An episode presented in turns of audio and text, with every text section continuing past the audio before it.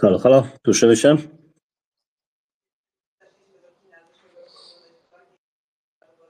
Ja Ciebie Tadeusz słyszę. Ja Ciebie Dzień też dobry. słyszę. Dzień dobry. No dobrze, no to jeszcze minutka Tadzik i zaczynamy. Poczekamy jeszcze na Krzysztofa. E, Piotrze, daję Ci współhosta. Dostałeś Piotr współhosta. Musisz odkliknąć mikrofon albo zaakceptować, jeśli mnie słyszysz.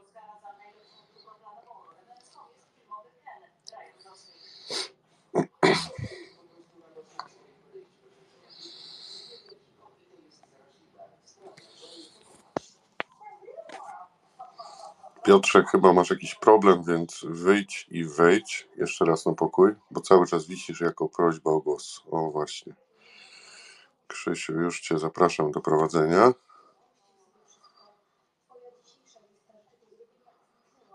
Okej. Kuba, to ja już się łączę z y, gościem. Dobra, dobra, dobra. Ja, Dobra. Się, ja się z chłopakami łączę, także.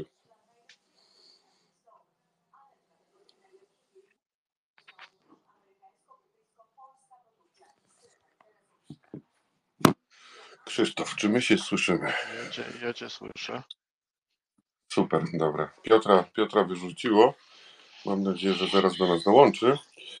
Tadeusz w międzyczasie już dzwoni do pana redaktora. Dobra, jest Piotr, to spróbuję. Piotr. E, Okej. Piotr, jak wchodzi, widzę cały czas u niego prośbę o głos. Piotr, ty wiesz, że z komputera nie możesz, nie? Okej, dobra, Piotr się połączył. To Piotr może zostań na mówcy. Tylko jakbyś odkliknął mikrofon i zobaczymy, czy się słyszymy. 1-1, próba mikrofonu, cześć wszystkim. Cześć, cześć. Dobra, ja Ciebie słyszę. Także zostań na mówcy, może nie będę Ci dawał współhosta e, i w ten sposób zostaniemy, zostaniemy do końca. Dobrze, e, zanim Tadeusz się dodzwoni do Pana redaktora, to, to tak, po kolei. Cześć, ja mam na imię Jakub, tradycyjnie się przedstawiam, Radio Rebeliant. Dzisiejszą audycję razem ze mną poprowadzi Piotrek oraz Krzysztof. To ja. Nie słyszę Krzysztof, co mówisz? Mówię, to ja. A, to ty, no dobrze. No dobra. Witajcie rebeliantki i rebelianci w ten emocjonujący wtorek. E, Emocjonujący, bo wszyscy wiemy, co przed chwilą miało, miało miejsce. Natomiast tak, e, zanim jeszcze z panem redaktorem się usłyszymy, oczywiście naszym gościem będzie pan redaktor Tomasz Piątek, to chwila na technikalia dla tych, którzy są po raz pierwszy z nami. Witajcie serdecznie. Mm, Słuchajcie, jeśli chcecie zabrać głos, e, to prośba. Halo, halo. Tak, jestem. E, To już jesteśmy, e, że tak powiem, wszyscy słyszymy się Dobra. i oddaję gościa w Wasze ręce. Dobrze, to jeszcze dzień dobry panie redaktorze, dobry wieczór. Jakub z tej strony Radio Rebeliant razem z Krzysztofem i z Piotrem e, będziemy dzisiejszą audycję prowadzić. Proszę o jeszcze dosłownie 30 sekund. Ja prawie nic nie słyszę. U, to może być problem. A ty mnie Tadeusz słyszysz? Nic nie słyszę. Spróbuję teraz. bo telefon mi robi zresztą dziwne rzeczy od paru dni, także A, ty coś mnie, mamy jakieś odgłosy, nie wiem. a Tadeusz, ty mnie słyszysz? Ale teraz w ogóle, ja pa- pana, pana, pana w ogóle gubię. To znaczy, to ja to słyszę jakieś strzępki takie i brzęki. A, teraz nic nie słyszę w ogóle. Teraz akurat nic nie mówiłem, pytałem się Tadeusza, który Nic nie słyszę. łączy. Dobrze. Yy, I już, chwileczkę. Po, poczekajmy chwilkę. Ja tylko napiszę do Tadeusza.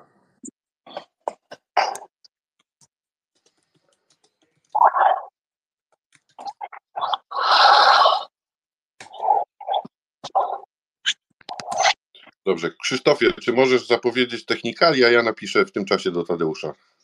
Dobrze. To tak na wstępie. e, Witam po pierwsze, tak jak Kuba powiedział, wszystkich bardzo serdecznie. E, Bardzo prosimy wszystkich o udostępnienie audycji. Link jest u nas na, na profilu. E, Kolejna rzecz, zachęcamy wszystkich do zadawania pytań. jak ktoś chce zabrać, y, zadać pytanie, ponieważ audycję mamy do godziny tylko o 20, powiedzmy 53, ponieważ o 21 mamy kolejnego gościa, pana, pana Tomasza Kaczmarka, więc zachęcamy wszystkich już do podnoszenia, do zgłaszania się na mówcę, do podnoszenia łapek, żeby każdy zdążył zadać pytanie, kto będzie tylko miał ochotę.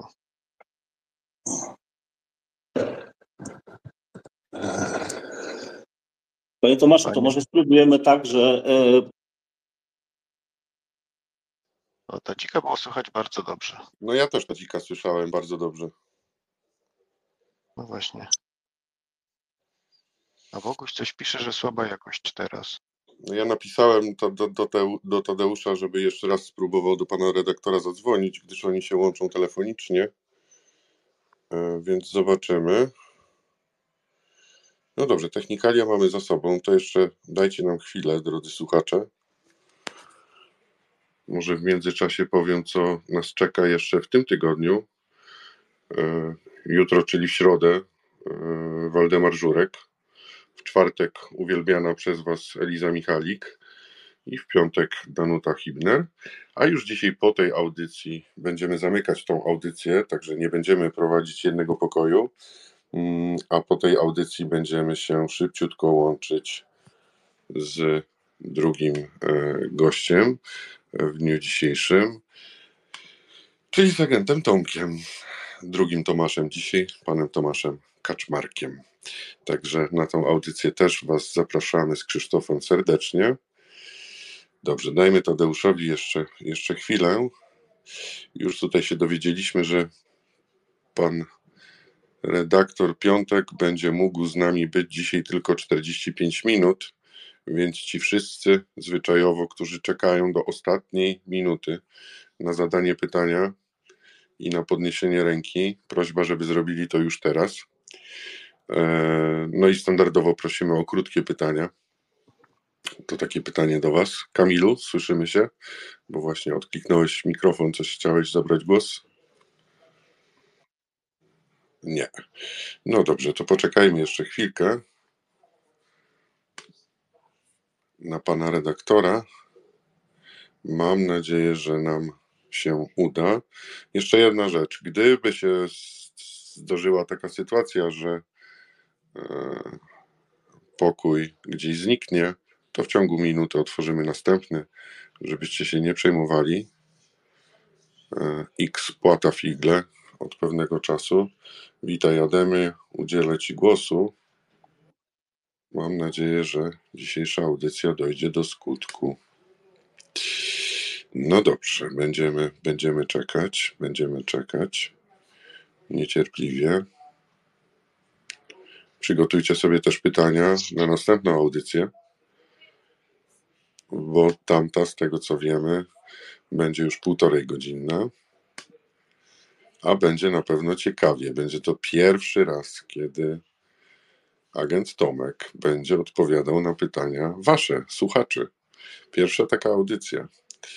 Ostatnio był w TVN-ie, o to też na pewno będziemy pytać, o tak zwaną aferę wiedniową, która dowiodła, że to, co się dzieje we Wiedniu, nie do końca tam zostaje, tak jak przysłowiowe Las Vegas. No dobrze, ja jeszcze raz spróbuję do Tadeusza napisać, czy udało mu się połączyć, chyba że nas Tadeusz słyszysz. halo, halo? Tak, słyszymy się? Tak, no my się słyszymy, tak, tylko e, gość ma problem e, z telefonem od, e, od jakichś dwóch dni i on po prostu jedyne co słyszy w telefonie to metaliczny dźwięk. Mhm. No. No nie wiem, nie wiem, co wymyśleć w tym momencie. E, Ale, ale panowie, ale e, my słyszeliśmy e, e, pana Piątka, więc e, no może Tadeusz, skoro może pośredniczyć w przekazaniu pytania. Głuchy telefon.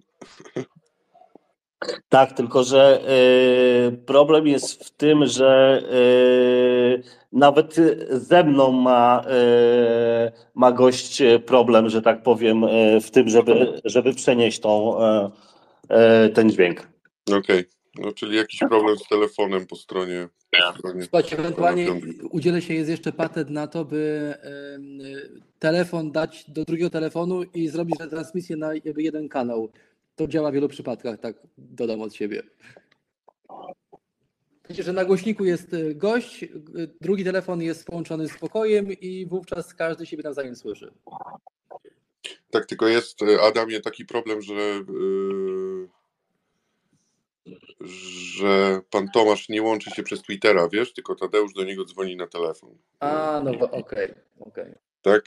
Także, także y, to wiemy, y, dlatego, tak jak mówię, tu jest problem, że, że, że pan redaktor Piątek nie łączy się przez twi- Twittera. A może Tadeusz spróbuj, ja bym wysłał za, zaproszenie do pana mm, redaktora na Twittera, może, może w ten Ale sposób. pan redaktor w ogóle nie korzysta e, z, mm, z telefonu, No, Okej, dobra. e, z internetu w telefonie. Okej, okej, dobra. Dobrze. No nie wiem, po, po, popróbuj może jeszcze, może jeszcze. Dobra, ja jeszcze próbuję, dajmy tą, e, dajmy jeszcze jeden, e, ten i zobaczymy. Dobrze, dobrze, dobrze. To tak zrobimy. No dobrze, a my w międzyczasie możemy, możemy też sobie y, wspólnie porozmawiać. Może rzucę takie hasło.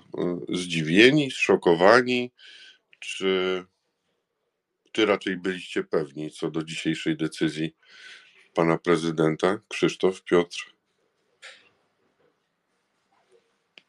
No, No trudno ja- być. Proszę bardzo. Piotrze, dawaj. Dawaj, Piotr, dawaj Piotrze. Dobrze, dzięki. No ja przyznam szczerze, że e, jednak mimo wszystko jestem zaskoczony, ponieważ e, szopka, która się odgrywała ostatnio, e, była bardzo mocno PiS na rękę. Była paliwem nie, nie, nie tylko wewnętrznym, ale i zewnętrznym. Zwróćcie uwagę, jakie akcje były przeprowadzone, plus do tego nasz prezydent, który wyjeżdża za granicę i również rozmawia z osobistościami międzynarodowymi. Stąd zastanawiam się i prawdę mówiąc trochę obawiam tej sytuacji, co będzie dalej, e, ponieważ e, nie sądzę, że e, był to mm, ruch, który nie będzie miał swoich konsekwencji. Wbrew pozorom sytuacja była nieco pod kontrolą w momencie, kiedy znajdowali się w tym miejscu, w którym się znajdowali. Obecnie PiS może odzyskać inicjatywę strategiczną i tego się obawiam, bo niestety nie wiem, co to może być. I też chciałem o to zapytać pana redaktora. O, widzę, że Krzysztof nam tu gdzieś uciekł. Już chwilkę daję wam głos wszystkim. Krzysztofie, już za- zapraszam cię do prowadzenia pokoju. Daję prośbę Michałowi. Dobrze, mam nadzieję, że zaraz się, zaraz się usłyszymy.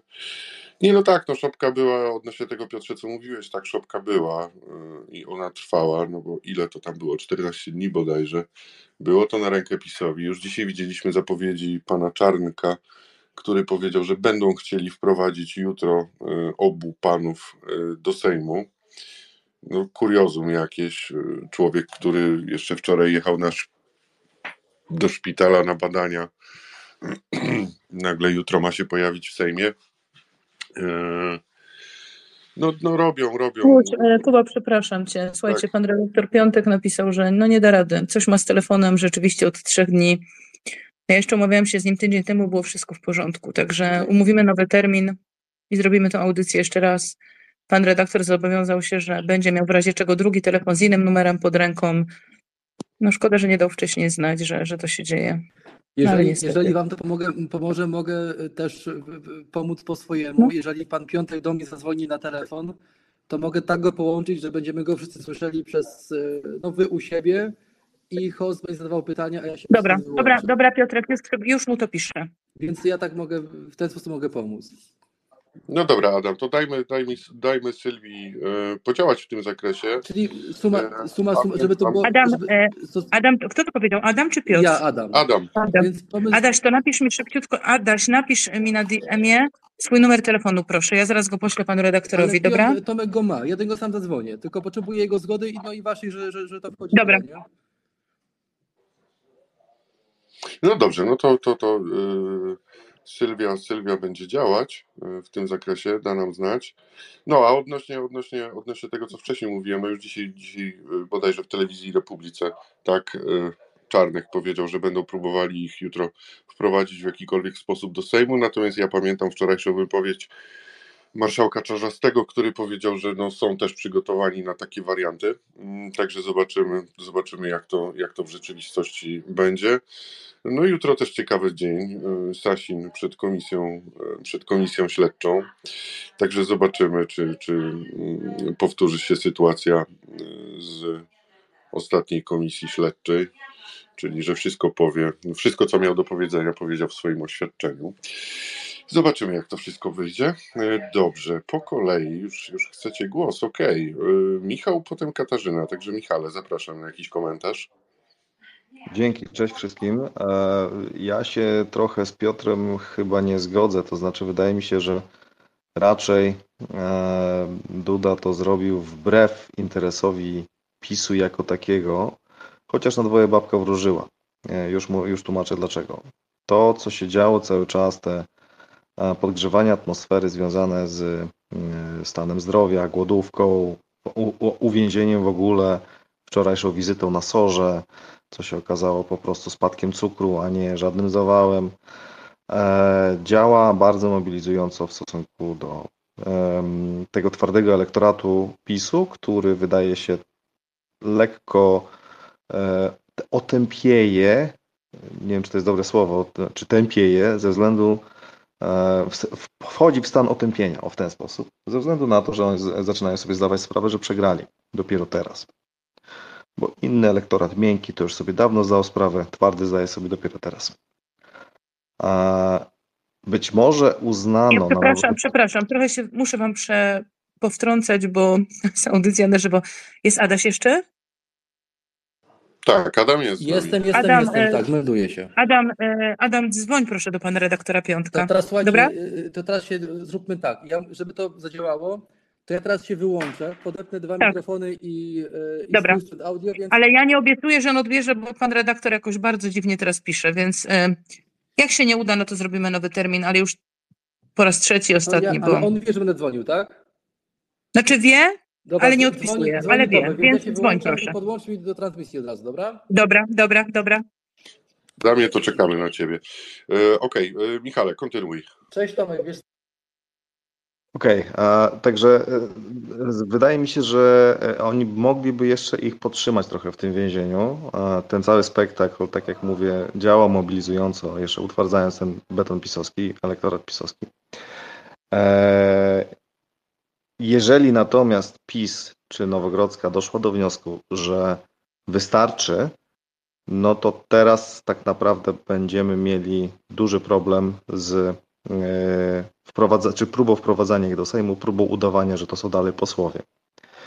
Natomiast jeżeli e, nie jest tak, jak myślę, to znaczy to nie jest tak, jak e, ta pierwsza wersja zakłada, że Nowogrodzka tak zdecydowała, to prezydent wysyła bardzo jasny sygnał do wszystkich e, pisowców, bo to jest tak naprawdę najbardziej w jego interesie albo w e, interesie jego pozycji w ramach środowiska Zjednoczonej Prawicy, żeby wysłać sygnał, ja o was nie zapomnę, ja was ochronię, nie martwcie się, musicie być ze mną lojalni. To by oznaczało, że prezydent chce budować. Halo, halo, halo, słyszymy się?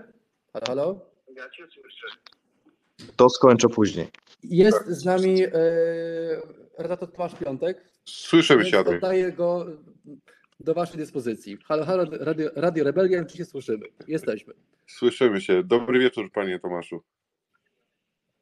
Dobry wieczór, ale straszne mamy problemy techniczne. Prawie w ogóle pana wciąż nie słyszę. Teraz będzie lepiej, podgłośniłem ciebie Tomek. Halo? Czy teraz lepiej? Prawie nie słyszę. Słabo. Prawie nie słychać. No nie wiem, no tutaj, tutaj na audycji chyba wszyscy mnie słyszą dobrze.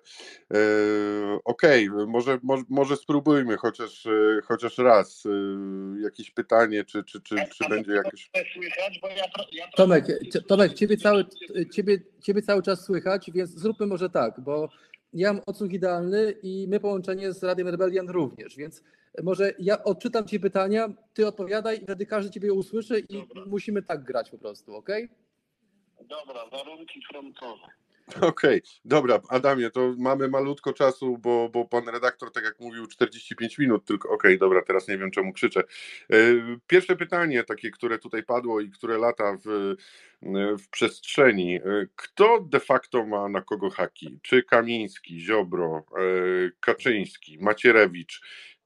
Kto, kto tam czym rządzi? Czy rzeczywiście guru tego wszystkiego jest, e, jest Kaczyński, czy, czy on się też czegoś i kogoś boi i obawia? Bo, bo wszystko, wszystko się skupiło na walce wewnętrznej, jeśli chodzi o PiS. Natomiast od 8 lat widzimy, że Platforma Obywatelska i cała opozycja chodzi sobie wolno, mimo buńczucznych zapowiedzi ukarania, postawienia przed sądem itd. itd. To było proste pytanie, kto na kogo ma haki, czy Ziobro na resztę, czy może Kaczyński i dlaczego Tak jest. Taka Dokładnie. krótka reasumpcja tego, co pytali nasi, nasi słuchacze. Oddaję głos Tomkowi Piątkowi. No, a to jest trochę takie pytanie, jakby zapytać, czy bociany na zimę odlatują do Krakowa, czy do Zakopanego. No, gdzie odlatują na zimę bociany? Halo, słychać mnie? Tak, cały czas, więc masz cały czas ten głos, wszyscy ci słyszą w tej audycji. Tak, tak, no to zadałem ja pytanie dla odmiany. Gdzie odlatują na zimę bociany? Tam, gdzie ciepło. Do Afryki. Do ciepłych krajów. O, bardzo, bardzo dobra odpowiedź. Świat nie kończy się na Polsce. I to jest odpowiedź na pytanie, kto ma haki. Haki ma Władimir Władimirowicz Putin. Ma haki, które wyciekły już, które dostawał od, które Rosjanie dostawali od komunistów za PRL-u, które wyciekły, gdy Macierewicz był ministrem spraw wewnętrznych w latach 90 które wyciekły, gdy Macierewicz rządził kontrwywiadem wojskowym. Eee, I to już było 18 lat temu. E, które e, Rosjanie uzyskiwali podczas e, podsłuchiwania w warszawskich restauracjach, które uzyskali dzięki Dworczykowi i jego kolegom, którzy korespondowali na skrzynkach pocztowych nie, niestrzeżonych, niepilnowanych. Putin ma haki, a w Polsce haki mają Kaczyński i Macierewicz, którzy je zbierali od e, dziesięcioleci. Pytanie e, też, w jakiej mierze oni się dzielą z Rosją. E, Haki ma Marian Banaś, który też jest człowiekiem powiązanym ze Wschodem. I on tutaj jakby, no zawsze PiS miał jakichś konkurentów, prawda? Zawsze Kaczyński miał jakichś konkurentów na, którzy chcieli przejąć, którzy chcieli mu odebrać stanowisko wielkiego gubernatora w Polsce, y, namiestnika rosyjskiego cara.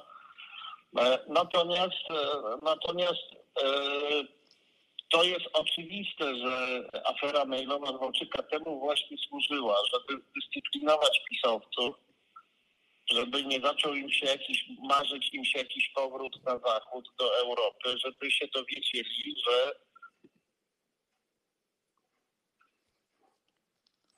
Tomku, czy, taką cudowną jesteś słyszany.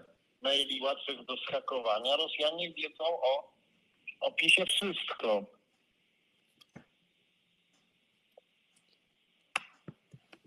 czy wszyscy słyszeli? Tak, tak, było słychać. Było To słychać, może Adam. To teraz. Nas, następne pytanie, ja je z chęcią przekażę i... Dobra, Piotrze, zapraszam. E, Dobry wieczór. To ja w takim razie bez wstępu i takie krótkie tylko pytanie hasłowe żołnierskie. Wąsik i Kamiński, męczennicy czy ofiary systemu PiS? Bo jeżeli, e, męczę, e, jeżeli to są ofiary systemu PiS, to czy mamy spodziewać się tego, że e, funkcjonariusze PiS gotowi są e, polec z, w lepszej sprawie i takie sytuacje, które mieliśmy ostatnio, e, mo- możemy się ich spodziewać? Było to pytanie, No, czy... Ja pewnie już prawie nic nie słyszałem, więc To ja powtarzam, czy Wąsik i Kamiński to... Powtórzę, proszę pytanie jeszcze raz, przepraszam. Wąsik i Kamiński, męczennicy czy, of- czy raczej ofiary systemu PiS? Y, Tomku, Wąsik Kamiński, męczennicy czy raczej ofiary systemu PiS? No ani męczennice, ani ofiary. Y, Dwaj cięż, ciężko odpowiedzialni za swoje czyny przestępcy, którzy zostali skazani i którym e, kazano odegrać rolę takich pluszowych kamikadze, żeby poszli na chwilę do więzienia, żeby można było krzyczeć, że są męczennikami.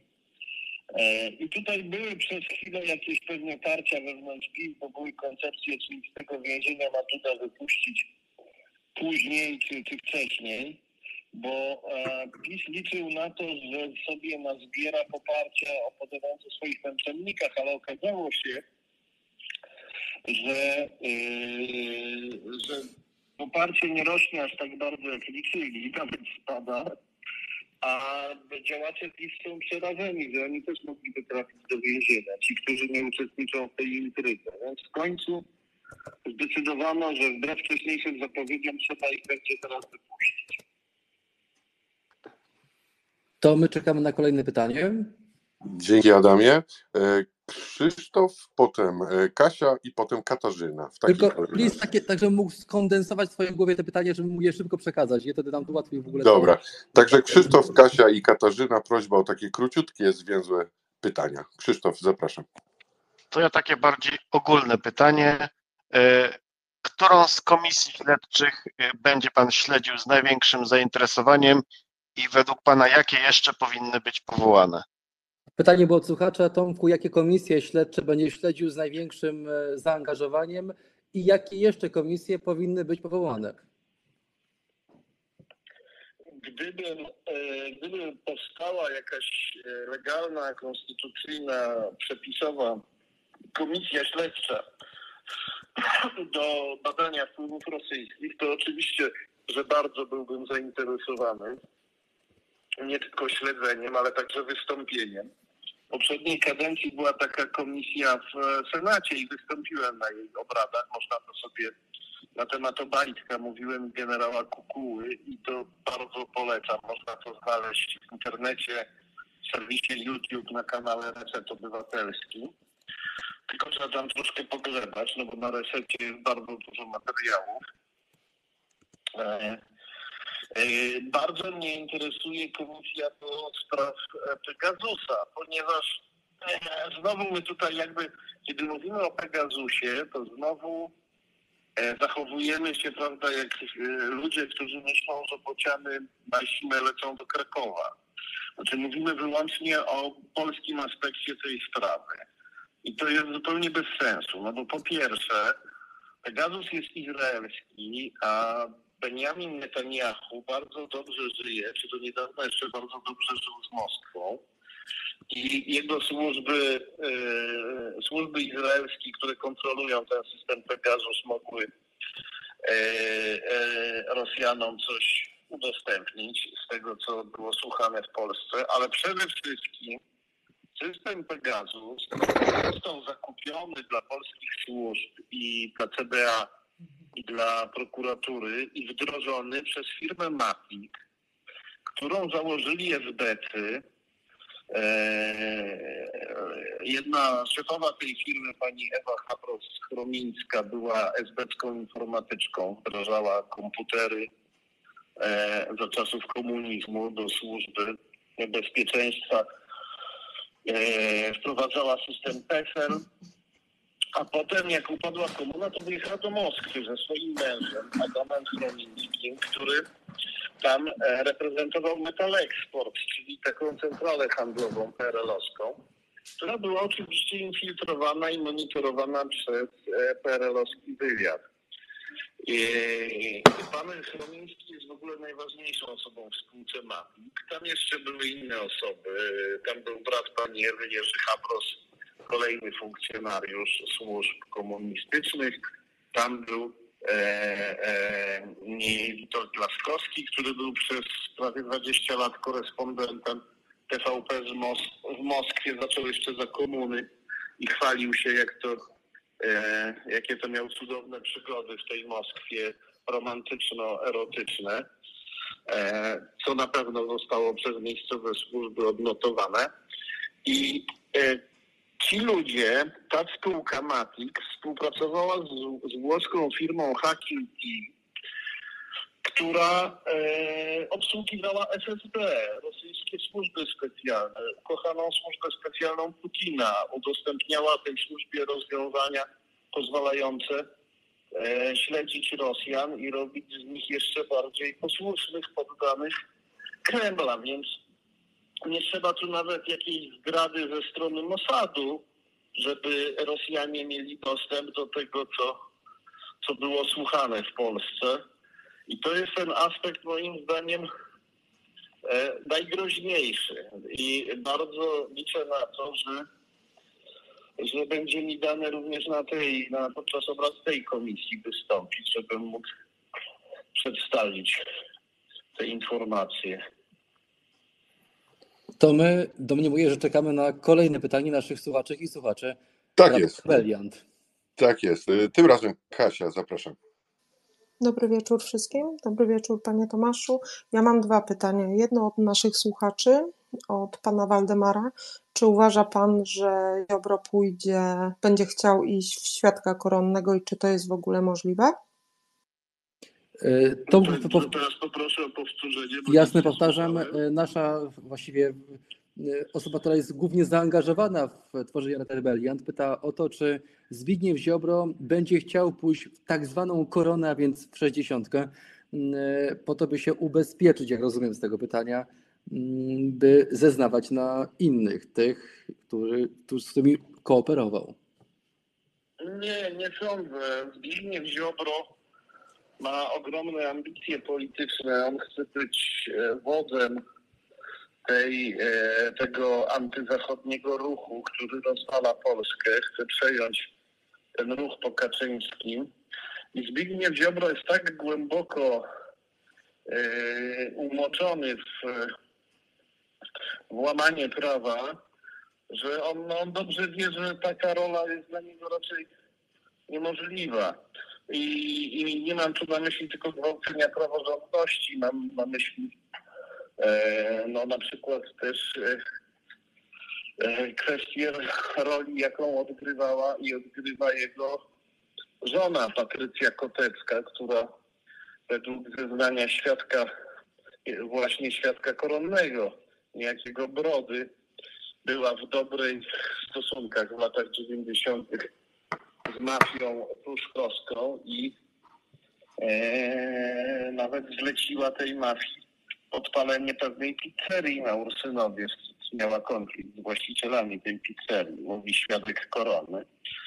No i tutaj znowu nasze media, mówiąc o tej sprawie, znowu zachowują się jak ci, co myślą, że bociany na zimę lecą do Krakowa, ponieważ pomijają to, że mafia pruszkowska e, blisko współpracowała z rosyjską sąsiedzką, która z kolei współdziałała z rosyjskimi służbami specjalnymi. I w tym świetle bardzo ciekawa, ciekawie się, ciekawie wygląda sprawa apartamentu państwa Ziobrów. Apartamentu, który Patrycja Kotecka kupiła e, sobie kilkanaście lat temu w bardzo pięknym miejscu na Skarpie Ursynowskiej e, w pobliżu Wilanowa. E, apartament luksusowy, nie wiadomo skąd miała pieniądze na spłatę kredytu, na to pytanie nie odpowiada, kiedy ją o to pytać, a dostała ten apartament od dewelopera, który się nazywa Andrzej Wiesław Kozłowski. Za komuny był konfidentem SB, TW Wiesiek, ale przede wszystkim pan Kozłowski to jest partner biznesowy e, deweloperskiej grupy Radius, którą założył miliarder Robert Szóstkowski, związany z oligarchami Kremla i właśnie z mafią sącewską, z tą mafią rosyjską, o której mówiłem i która współdziała ze służbami specjalnymi e, Kremla. Tu warto przypomnieć, że od pana Szóstkowskiego w podarunku dostał pałac posiadły pod Warszawą nie kto inny, a Adam Glapiński, szef Narodowego Banku Polskiego. Więc być może to jakaś taka też strategia Rosjan, że rozdają apartamenty politykom, którzy próbują wyrwać Polskę z Europy i ze wspólnoty Zachodu. Apartamenty, a nawet pałace. To czas na kolejne pytania. Dziękuję bardzo. To teraz zadam od siebie samej. E, Co jeszcze wypłynie na Kamińskiego i Wąsika i czy e, afera gruntowa to nie jest dopiero początek ich e, chlubnej drogi do powrotu do więzienia? Pani Kasia pyta, co jeszcze wypłynie na, to, na Wojsika i Kamińskiego i czy to nie jest ich taka niechlubna droga do pójścia znów do zakładu karnego. E, No, sprawa e, Pegasusa, e, stronnicze postępowanie CBA, które podlegało tym panom i które zamiast ścigać korupcję przeobraziło się w policję polityczną partii rządzącej. Nękanie funkcjonariuszy, którzy nie chcieli wykonywać poleceń i nie chcieli nękać obywateli nękanie obywateli, nękanie polityków opozycyjnych.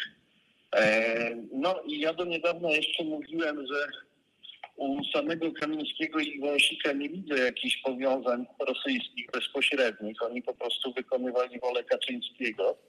Ale teraz się zaczyna zarysowywać taki ciekawy wątek dotyczący tych panów i ich kolegów, o którym jeszcze nie mogę mówić. Ale na pewno jeszcze bardzo dużo e, bardzo dużo mają rzeczy, które powinni nam wyznać i za które powinni odpowiadać. I czas na, myślę, kolejne pytanie. Dzięki, dzięki Adamie. Katarzyna, zapraszam. Teraz tu pani Dobry Kasia. wieczór wszystkim. Pytanie pani Kasiu, prosimy bardzo.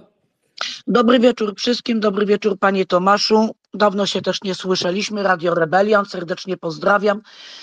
Y, A ja mam takie pytanie, czy jest możliwość, y, czy jest możliwość, aby naszego y, pseudoprezydenta Dudę y, obalić wcześniej, przed wyborami, bo wiadomo, że wybory prezydenckie są w przyszłym roku i czy można wtedy go postawić przed Trybunałem Stanu za łamanie konstytucji, łania, łamanie prawa, ułaskawienie przestępców, zboczeńców, morderców, pedofilów? I przede wszystkim, co jest też w tym wszystkim ważne, że y, Duda z premedytacją rozdawał i rozdaje y, y, stanowiska zwykłym po prostu przestępcom, gdzie Kamiński jest zwykłym alkoholikiem, Wąsik też na pewno za kołnierz nie wylewa, a jednak y, oddał im bezpieczeństwo nasze, Polaków, społeczeństwa w ich ręce. Jak pan myśli na ten temat? A więc Tomku pytanie było takie w gwoli ścisłości, czy, e, czy da się Dudę... Akurat panią usłyszałem. Okej, okej, super. Jakieś zakłócenia przez chwilę były mniejsze. Tak, tak, więc e, e, Andrzej Duda powinien natychmiast stanąć przed Trybunałem Stanu. Obecna władza tego nie robi, bo nie ma wystarczającej większości Tak może to będzie, że będziemy wymieniać to na miejscu. Potrzeba większej ilości głosów by było, żeby go postawić przed Trybunałem Stanu i zawiesić wtedy jako prezydenta i wtedy nie mógł wypełnić swoich, e, swoich funkcji. E, ale niestety no, pisowcy, którzy są e, w Sejmie, w parlamencie mają wystarczającą ilość głosów, żeby to e, zablokować. E, no co do Andrzeja Dudy, to też wątki zagraniczne wymagają zbadania. Dlaczego Andrzej Duda poleciał w lutym e, 2022 roku na Igrzyska Zimowe do Pekinu, które były bojkotowane przez wszystkich zachodnich polityków, wszystkie głowy zachodnich państw, państw demokratycznych ze względu na zbrodnie chińskiego reżimu. I zrobił to w momencie, w którym E, Do Pekinu przyleciał też Putin, którego wojska właśnie szykowały się do inwazji na Ukrainę. I Duda się spotkał z Putinem wtedy. Twierdzi, jego kancelaria twierdzi, że podczas tego spotkania nie doszło do żadnej interakcji. Czyli, że niby byli obok siebie, ale o niczym nie, nie rozmawiali. Bardzo to jest e, dziwne. No i w ogóle związki Dudy z e, chińskim zbrodniczym dyktatorem Xi Jinpingiem, którego odwiedzał, przez którego był odwiedzany w Polsce. E, nachalne promowanie chińskich biznesów, handlu z Chinami, o czym Duda mówił podczas swojej pierwszej kadencji nieustannie, nawet na jarmarkach wiejskich i, na e, i, i, i, i, i na Jasnej Górze, jak tam pojechał. To są rzeczy, no, na które też powinniśmy mieć e, odpowiedź. E, była słynna sprawa kamery, którą e, kamer, które sobie e, pozwolił zamontować willi, kamer chińskich, które są, których, których się unika, ponieważ podejrzewa się, że one mają oprogramowanie, które pozwala przesyłać dane do, e, do Pekinu. No jest na ten temat jeszcze, o ten temat można by bardzo długo, e, długo, długo mówić, e, bo to jest, to, jest, to jest też wielki temat. E, niestety obawiam się, że będziemy musieli e, poczekać aż do końca kadencji, bo nawet jeśli pokażemy ja- jasno, czarno na białym dowody e, przestępstw Andrzeja Dudy, e, nawet gdyby to były dowody zdrady, no to pisowcy, jak wiadomo, są bardzo gruboskórni etycznie i, i, no i nie da się ich e, na pewno w całej masie nie da się, nie da się nawrócić tak licznej grupy pisowców, żeby zagłosowali za postawieniem prezydenta przed Trybunałem Stanu. No może tu jakieś inne musiałyby się zadziać rzeczy, musiałoby dojść do jakiegoś rozłamu w PiS, ale na, na to się na razie nie, e, nie, nie zanosi. Oni,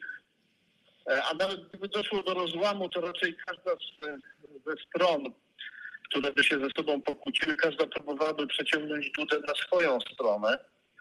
E, no on ma ciągle wysoką pozycję jako prezydent, a poza tym no, pisowcy wiedzą, że bardzo ważna część ich e, elektoratu i wyborców Dudę lubi. Duda jest lubiany na wsi. Tam nikt go nie uważa za głupiego, tam się z niego e, nie śmieją tak jak w miastach, albo jeśli się śmieją, to znacznie rzadziej. A to jest dla PiS elektorat bardzo ważny. To chyba czas na kolejne pytanie. Dzięki, dzięki Adamie. Słuchajcie, zostały nam 4 minuty, więc ja myślę, że to będzie jedno szybkie albo dwa bardzo szybkie e, pytania. E, Także mamy dosłownie 4 minutki, więc będą, będzie jedno pytanie szybkie albo dwa bardzo, bardzo szybkie. To przekazuję naszych e, odsłuchaczy. I Dobra. to zaczniemy, to zaczniemy Gufus, a potem Andrzej i będziemy kończyć. Także Gufus, króciutko, zwięźle na temat. Okej, to bardzo krótko. Y, W jaki, na jakich warunkach Gufus, y, można by było zastosować artykuł Użytkowniku 130? Gufus. Czekamy na ciebie. Halo, halo, słychać mnie? Ja Halo? Adamie słyszę. W Tak, jakich nie warunkach można było zastosować artykuł 131 Konstytucji i co można było potraktować jako zgłoszenie? Bo cały Halo? czas. Halo, słychać Halo, mnie? Dobra, e, Adamie, jeśli nie słyszałeś Gufusa, chodziło, e, pytanie chodziło o to, w jakich warunkach można było zastosować artykuł 131 Konstytucji. Więc to pytanie było od pana Gufusa, użytkownika Twittera. W jakich warunkach można było zastosować e, artykuł 131 naszej Konstytucji? A to musicie mi przypomnieć. To jest mowa, y, w tym artykule jest mowa o wyplułam niemożności sprawowania i- urzędu i przez prezydenta y, tymczasowo. 131. Czy ty, Adamie, słyszałeś? e, o Tak, Zgłoszenie, ja tak, e, prezydent zgłasza, że nie może tymczasowo pełnić. Prezydent jeżeli- zgłasza, że nie może tymczasowo pełnić urzędu. Tak, nie może przejściowo sprawować urzędu, zawiadomo o tym marszałka Sejmu, który tymczasowo przejmuje obowiązki prezydenta Rzeczypospolitej. Ale tu znowu mówimy o zawieszeniu, tak?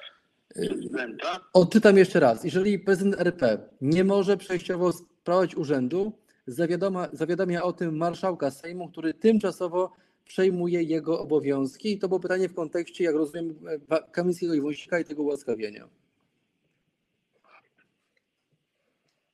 No ale... Yy, yy, Co nie można sądzę, było jako Duda takie zgłoszenie potraktować? zastępstwo w jakiejkolwiek sytuacji.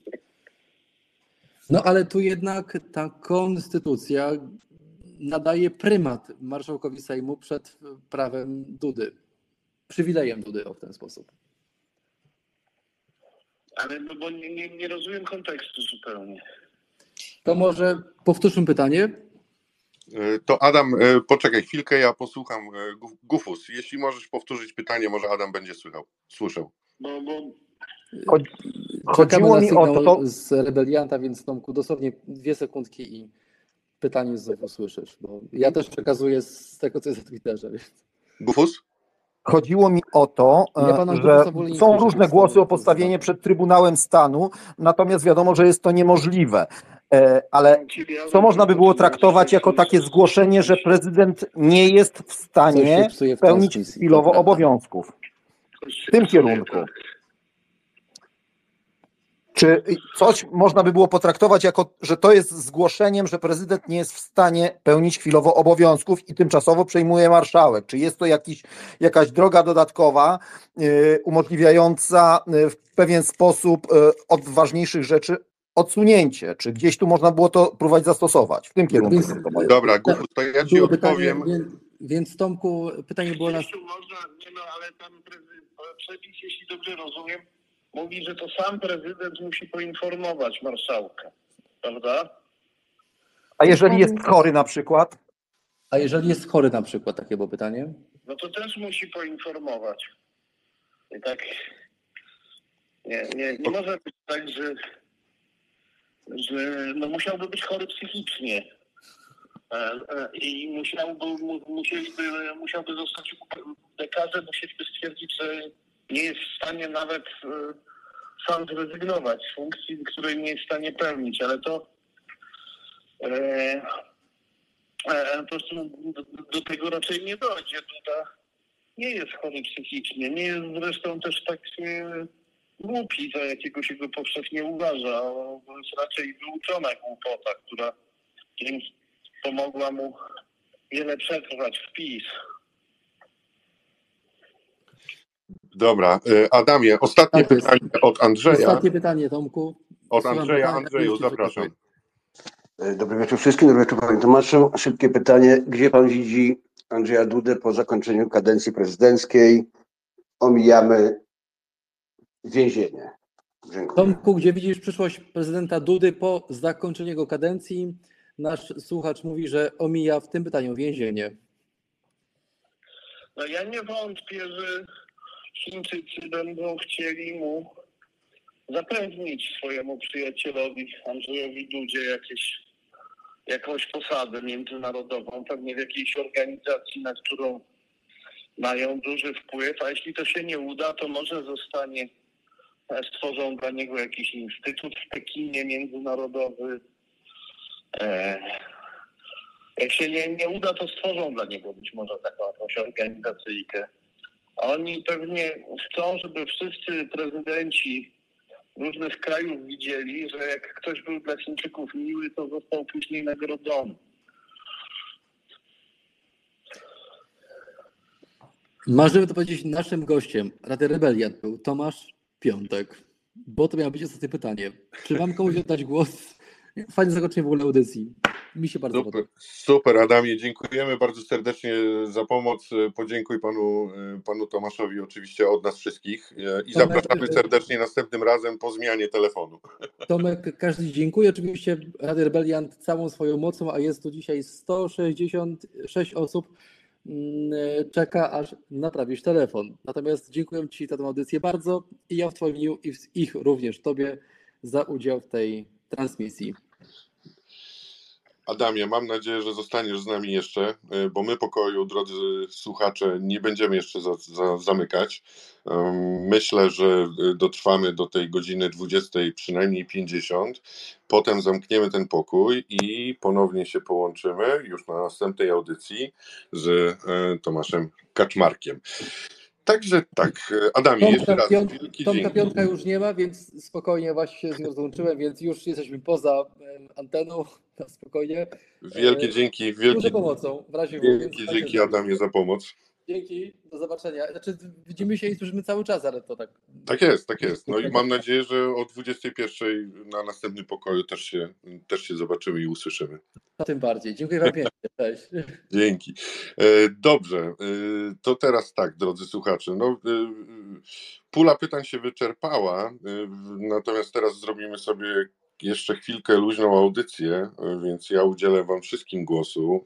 Jeśli, jeśli macie chęć e, skomentować albo, albo odnieść się w tym momencie do, do tego, co pan redaktor mówił. O, aż się wysypało teraz, dobrze. E, To może tak, najpierw Sylwia, e, zapraszam, a potem Piotrowi i Kasi oddam głos. Tak, to ja technicznie. Słuchajcie, nie będziemy zamykać. W związku z tym, że ten X nawala od paru dobrych dni, więc zostawimy tą samą audycję. E, Jest jeszcze Adaś, bo ja nie widzę. Adaś, jak jest? Ja, ja nie widzę, ja nie widzę, chyba wyszedł Dobra, ja napiszę do Adama, że w razie czego, jak będzie mógł pomóc, jakby się nam nie udało, to będę go też potrzebować. Także nie będziemy zamykać, e, chłop- chłopcy, mm, na pana Tomasza Kaczmarka o 20.55 nawiążemy z nim połączenie telefoniczne. Także to tylko to chciałam tak technicznie, nie będę zabierać czasu na rozmowę. Jeszcze chciałam też uprzedzić, że mają być na tej audycji z panem Kaczmarkiem politycy i dziennikarze, więc e, nie zdziwcie się, jeżeli będą chcieli czasem zabrać też głos, bo zadeklarowali się nam i na swoich kontach pewnie i na lewych, że będą uczestniczyć w tej audycji, bo to jest pierwsza audycja, gdzie pan Tomasz Kaczmarek będzie odpowiadał na pytania live. To nie jest nagrana audycja, więc są bardzo zainteresowani. Dobra, ja już mm, schodzę na słuchacza i tak jak mówię, nie zamykamy pokoju, także bardzo prosimy tylko oczywiście o udostępnienie tej audycji. My tylko zmienimy temat, y, zmienimy tytuł na, na kolejnego gościa. Dzięki.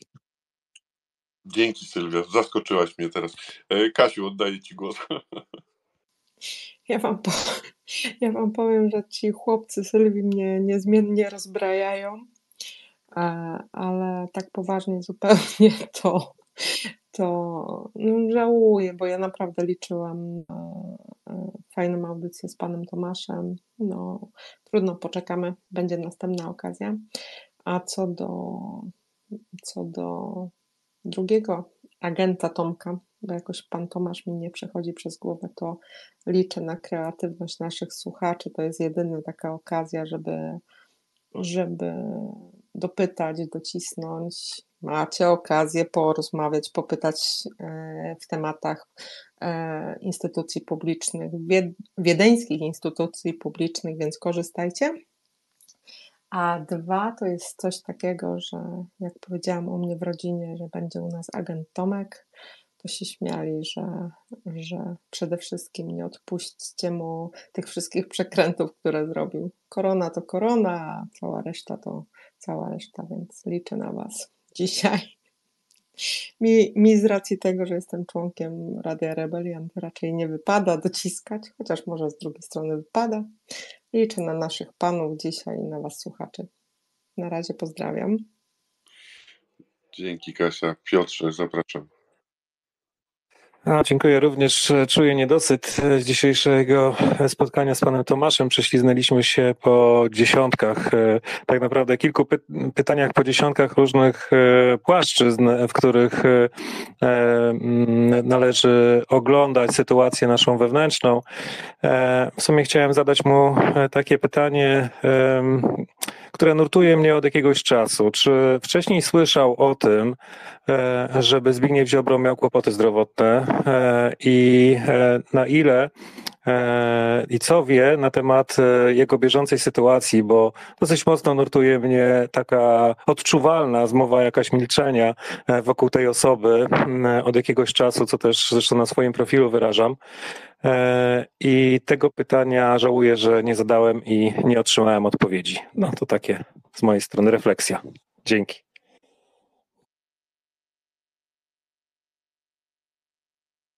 Dużo ciekawych rzeczy wydaje mi się, że moglibyśmy się dowiedzieć, e, no ale, no ale jak widać e, technika płata figle. Arturze, zapraszam, potem Krzysztof, bo widziałem, że się odmutowałeś. Dobry wieczór, witam wszystkich.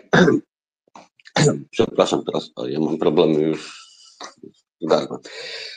E, Odnośnie to, co Piotr mówiłeś, e, gdzie jest Ziobro, nie wiadomo, gdzie jest Ziobro, natomiast ja jestem spokojny, bo jeżeli, jeżeli dojdzie co do czego, to służby na pewno wiedzą doskonale, mm, gdzie on się znajduje i, i mają go namierzonego. Natomiast co do, co do mm, audycji z panem redaktorem Piątkiem, przyznam się szczerze, że no, niewiele słyszałem. Mm, Niestety technika tutaj trochę zawiodła i to nie z naszej strony, ale tak jak żeśmy słyszeli. E, Ale odnośnie, odnośnie tylko mm, jednej kwestii. Skąd jest takie przekonanie dziś ostatnio od godziny czasu, przeświadczenie wręcz, że jutro Wąsik i Kamiński będą chcieli wejść do Sejmu? A nawet jakby chcieli wejść do Sejmu, to przecież mają prawo wejść do Sejmu. Oni nie mają prawa głosować, nie mają prawa wejść na salę plenarną, natomiast do Sejmu mogą wejść jak najbardziej. Więc takie przekonanie, że, że, że będzie tu robiona jakaś zadyma. No na pewno będzie zadyma przed wejściem na salę plenarną, ale do Sejmu póki co wolno, wolno wejść wszystkim obywatelom, z tego co marszałek Hołownia mówi. Więc ja bym się nie spodziewał tutaj jakichś większych, e, że tak się wyrażę, zadym. Tak, zobaczymy, zobaczymy co będzie, co będzie w czwartek, bo to w czwartek jest posiedzenie plenarne, a panowie prawdopodobnie więzienie opuszczą w dniu jutrzejszym, bo takie procedury są, no chyba, że dzisiaj w nocy sąd się zbierze i, i, i wyda postanowienie, bo to od sądu jest zależne. To tylko tyle, dziękuję. Dzięki, Artur. Krzysztof? Are you there? E, Ja dzisiaj słyszałem e, pana Czarzastego e, i e, pan Czarzasty powiedział, że są przygotowani na ewentualne próby wprowadzenia panów KIW e, na salę sejmową, no bo tak jak Artur powiedział, do Sejmu oni mogą wejść jak najbardziej, tylko nie mogą wejść na salę i uczestniczyć w obradach. E, Aczkolwiek powiem szczerze, e, pamiętacie jak była mowa o tym, że będą, że PiS będzie blokował mównicy, jakieś takie rzeczy różne dziw- dziwne będą robić. E, I w sumie nic z tego nie było, więc kiedyś była mowa, że będzie wojsko na ulicach przed wyborami, więc ja po prostu poczekam cierpliwie. Myślę, że może być ciekawie, ale też ci dwaj panowie wiedzą, że nie mają, że, że nie mają mandatów. No, nie ukrywajmy, e, cho- chociaż dzisiaj słyszałem panią, jedną panią profesor e, z Ordo Juris, która uparcie twierdziła, że oni mają mandaty, bo tak stwierdziła Izba Kontroli Nadzwyczajnej. Nie wiem skąd takie pomysły e, mogą przychodzić do głowy, skoro wygaszenie mandatu wynika z e, orzeczenia e, skazania, a nie z decyzji marszałka. E, Także może się okazać, że po prostu będzie dużo hałasu o nic. e, Dalej będą tekturki na sali, a nic takiego wielkiego się nie zdarzy. Przyznam szczerze, bardziej mnie ciekawi e, pan Sasin przed komisją e, do spraw wyborów kopertowych, czy będzie tak jak pan Soboń e, wyda z siebie jakieś dziwne oświadczenie i na tym się skończy, czy, e, czy będzie coś więcej miał zamiar powiedzieć, no bo na Twitterze ktoś tam chyba Maria dzisiaj napisała, że pan Sasin stwierdził, że wszystko wszystkie polecenia wydawał premier, więc może wszystko będzie zwalał na premiera. Dzięki. No co do tej teorii z Sasinem, to tam podobno rzeczywiście nawet Kamil Dziubka w swojej książce pisał, że Sasin generalnie, no okej, to może zbyt górnolotne e, stwierdzenie, że może spać spokojnie, ponieważ podobno pod niczym nie widnieją podpisy Sasina i rzeczywiście z tego, co, z tego, co było w książce, pod wszystkimi decyzjami, Poczta Polska i tak dalej, i tak dalej, podpisywał się Morawiecki. Także zobaczymy, czy jutro będzie, czy jutro będzie szedł e, w tą stronę pan Jacek, 70 milionów. Kasia, zapraszam. Jak to mówią, punkt widzenia zależy od punktu siedzenia i tak samo jak my uważamy postanowienia Izby Pracy Sądu Najwyższego, który otwarcie i otwartym drukiem mówi, że nie są już posłami, tak e, PiS i, i Duda i te wszystkie gór- górnolotni prawnicy pisowscy uważają postanowienia nadzwyczajnej Izby Sądu Pracy, która przypominam dla wszystkich, jak i dla Trybunału Unii, jak i dla nas wszystkich praworządnych ludzi w Polsce, nie jest sądem, więc no będzie walka na szabelki. Ciekawe, która szabelka będzie dłuższa i która szabelka potrafi celniej ukąsić. No, dla mnie to będzie żenujący spektakl, bo, bo ja obstawiam, że oni wszystkimi siłami swoimi będą próbować ich wcisnąć na te fotele. Mam nadzieję, że opozycja, e, opozycja, rząd teraz już stanie na wysokości zadania i tak samo marszałek Sejmu i nie dopuszczą do tego cyrku. I, a przypominam, że panowie nadal mogą bardzo szybko wrócić do więzienia. I to wcale nie w tym temacie, którym teraz ich ułaskawił, ułaskawił e, Duda, więc poczekamy, zobaczymy. Będzie na pewno ciekawie. Oby nie było żałośnie. No właśnie, oby nie było żałośnie, a do tego zdolni są niektórzy w tym rządzie. E, Michał, słuchaj, e, wyjdź i wejdź, musisz wyjść i wejść, ja ci już dziesiąty raz daję głos, mówię do Harzyńskiego Michała w tym momencie. Poczekaj Michał, ja ci jeszcze raz spróbuję w tym momencie udzielić głosu. Ja też próbowałem. No. Michale, nie wiem, mi cały czas wisisz jako prośba o głos i teraz pojawił mi się komunikat, wystąpił błąd podczas nawiązywania połączenia z tobą. Także y, panowie, Piotr, Krzysztof, y, nie wiem, chyba Piotr był pierwszy. Tak, taki krótki komentarz do tych wątpliwości, bo coś się wydarzyło i coś się nie odwydarzy. To znaczy, jeżeli przyjmiemy takie założenie, że nagle to ułaskawienie powoduje, że e, zeruje się również sytuacja z ich mandatami, to znaczy, że mamy sytuację również taką, że Kamiński i Wąsik mogą e, wystąpić o odszkodowanie z tytułu dwóch tygodni pobytu w więzieniu. No wydaje mi się, że to chyba jest e, jednak brakuje w tym wszystkim jakiejś e, logiki. Również w systemie prawnym coś się wydarzyło, mandaty zostały utracone, natomiast to, co będzie dzisiaj, to, to co dzisiaj zostało podjęta ta decyzja, ona będzie, będzie miała swoje konsekwencje w przyszłości. Zresztą takie komentarze dzisiaj się przecież pojawiają Mandatów nie odzyskają, ale będą mogli, będą mogli startować w kolejnych wyborach. No to tyle. Dzięki, dzięki Piotrek.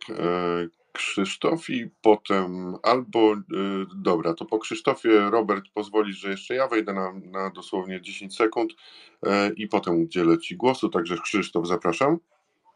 No, sprawa myślę, że dla 80% e, prawników e, jest oczywista, ponieważ zostali panowie skazani, więc nie mają mandatów i to jest sprawa prosta.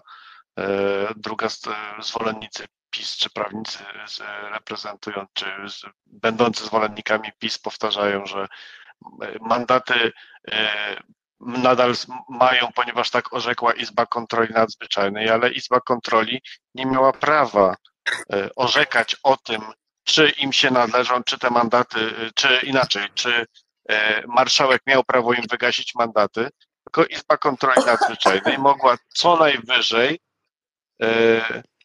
co najwyżej mogła określić, czy mają prawo, czy ta procedura, którą marszałek wykonał, była poprawna, a nie to, czy mandaty im przysługują, czy nie, bo mandaty im wygasły z mocy prawa. I tyle w temacie. A jeszcze chciałbym tylko jeszcze a propos pana Sasina powiedzieć, bo Kuba powiedziałeś, że e, nie było żadnych e, e, podpisów pod dokumentami, które on realizował, czy związanych z wyborami kopertowymi, tylko kwestia jest tego typu, że tak jak dzisiaj też była mowa na temat sprzedaży Lotosu, był on wtedy ministrem aktywów państwowych, a za to no może, może już porządnie beknąć, jeżeli faktycznie zostanie dowiedziony, że Lotos sprzedał, został sprzedany za zdecydowanie mniejsze pieniądze niż powinny być. Dzięki.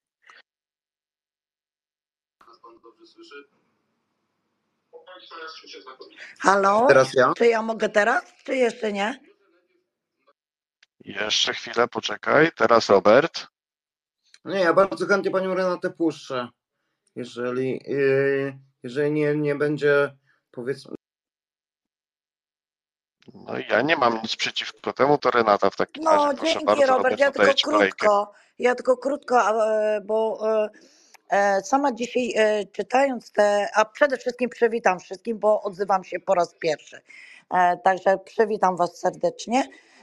I sama byłam zainteresowana jak tym aktem łaski Wąsika i Kamińskiego i z wielką uwagą wysłuchałam dzisiaj Bodnara w, TV, w TVP, nie?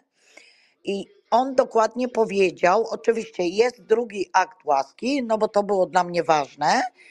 I e, co e, jest tam zawarte, nie, e, zostało unieważnione niemożliwość uczestniczenia w życiu publicznym. Czyli, jak powiedział Bodnar, ja tylko na tej po prostu wypowiedzi się w tym momencie bazuję, dokładnie podkreślił, mogą brać w następnych wyborach e, samorządowych i do Unii Europejskiej e, po prostu udział jako e, kandydaci. No i tyle chciałam tylko sprostować. Co ja usłyszałam. Oczywiście zdaję sobie z tego sprawę, że PiS myśli inaczej i będą forsować Sejm. No to już jest inna bajka. To tyle, dziękuję. Po raz pierwszy się odezwałam i pozdrawiam wszystkich i, i całe radio Rebeliant.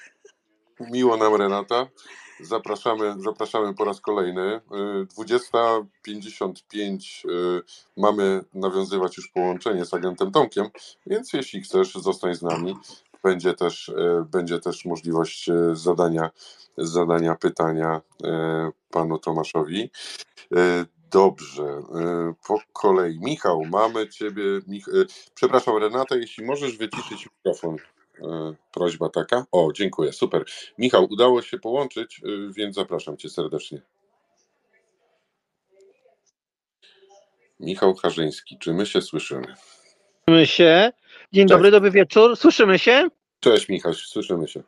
E, Więc, e, znaczy ja w ko- kontekście dzisiejszych wydarzeń były dwa, e, znaczy było jedno znacznie ciekawsze, czyli wizyta mm, w Brukseli i w Luksemburgu prokuratora generalnego pana Adama Bodnara i PO, prokuratora krajowego, ruszyły prace związane z udziałem Polski w prokuraturze europejskiej. I drugie, przed kilkunastu minut, wpis niejakiego Cezarego Trotyla Gmyza, który to Cezary Trotyl Gmyz e, przyznał był się, że większość klubu PiS e, pójdzie siedzieć, że jak prokuratura zacznie, ruszy swoje prace, to klub parlamentarny PiS będzie mieć uchylone immunitety i pójdzie siedzieć. E, W tle przeszła informacja o tym, że likwidator mm, TVP SA skierował dzisiaj już e, przedsądowe wezwanie do zapłaty do Tulickiego, Adamczyka i Pejry. Daje mu 14 dni na, daje im 14 dni na solidarną zapłatę miliona z hakiem e, za przerwę w emisji TVP i nie wyklucza dalszych roszczeń. I ciekawostka, od wczoraj Duklanowski się pieni, że mu likwidator Polskiego Radia Szczecin wystąpił do, do niego o zwrot sprzętu, a ponieważ ten sprzętu nie oddał, w tym dyk, jakiś dyktafon, laptop, jakiś sprzęt, e, to e, złożyli papiery do prokuratury przeciwko Duklanowskiemu.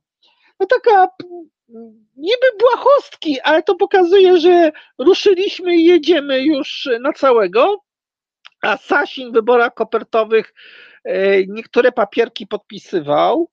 E, Podpisywał między innymi ugodę z Pocztą Polską i Państwową Wytwórnią Papierów Wartościowych związanych z kompensowaniem kosztów druku e, i pakowania tej makulatury.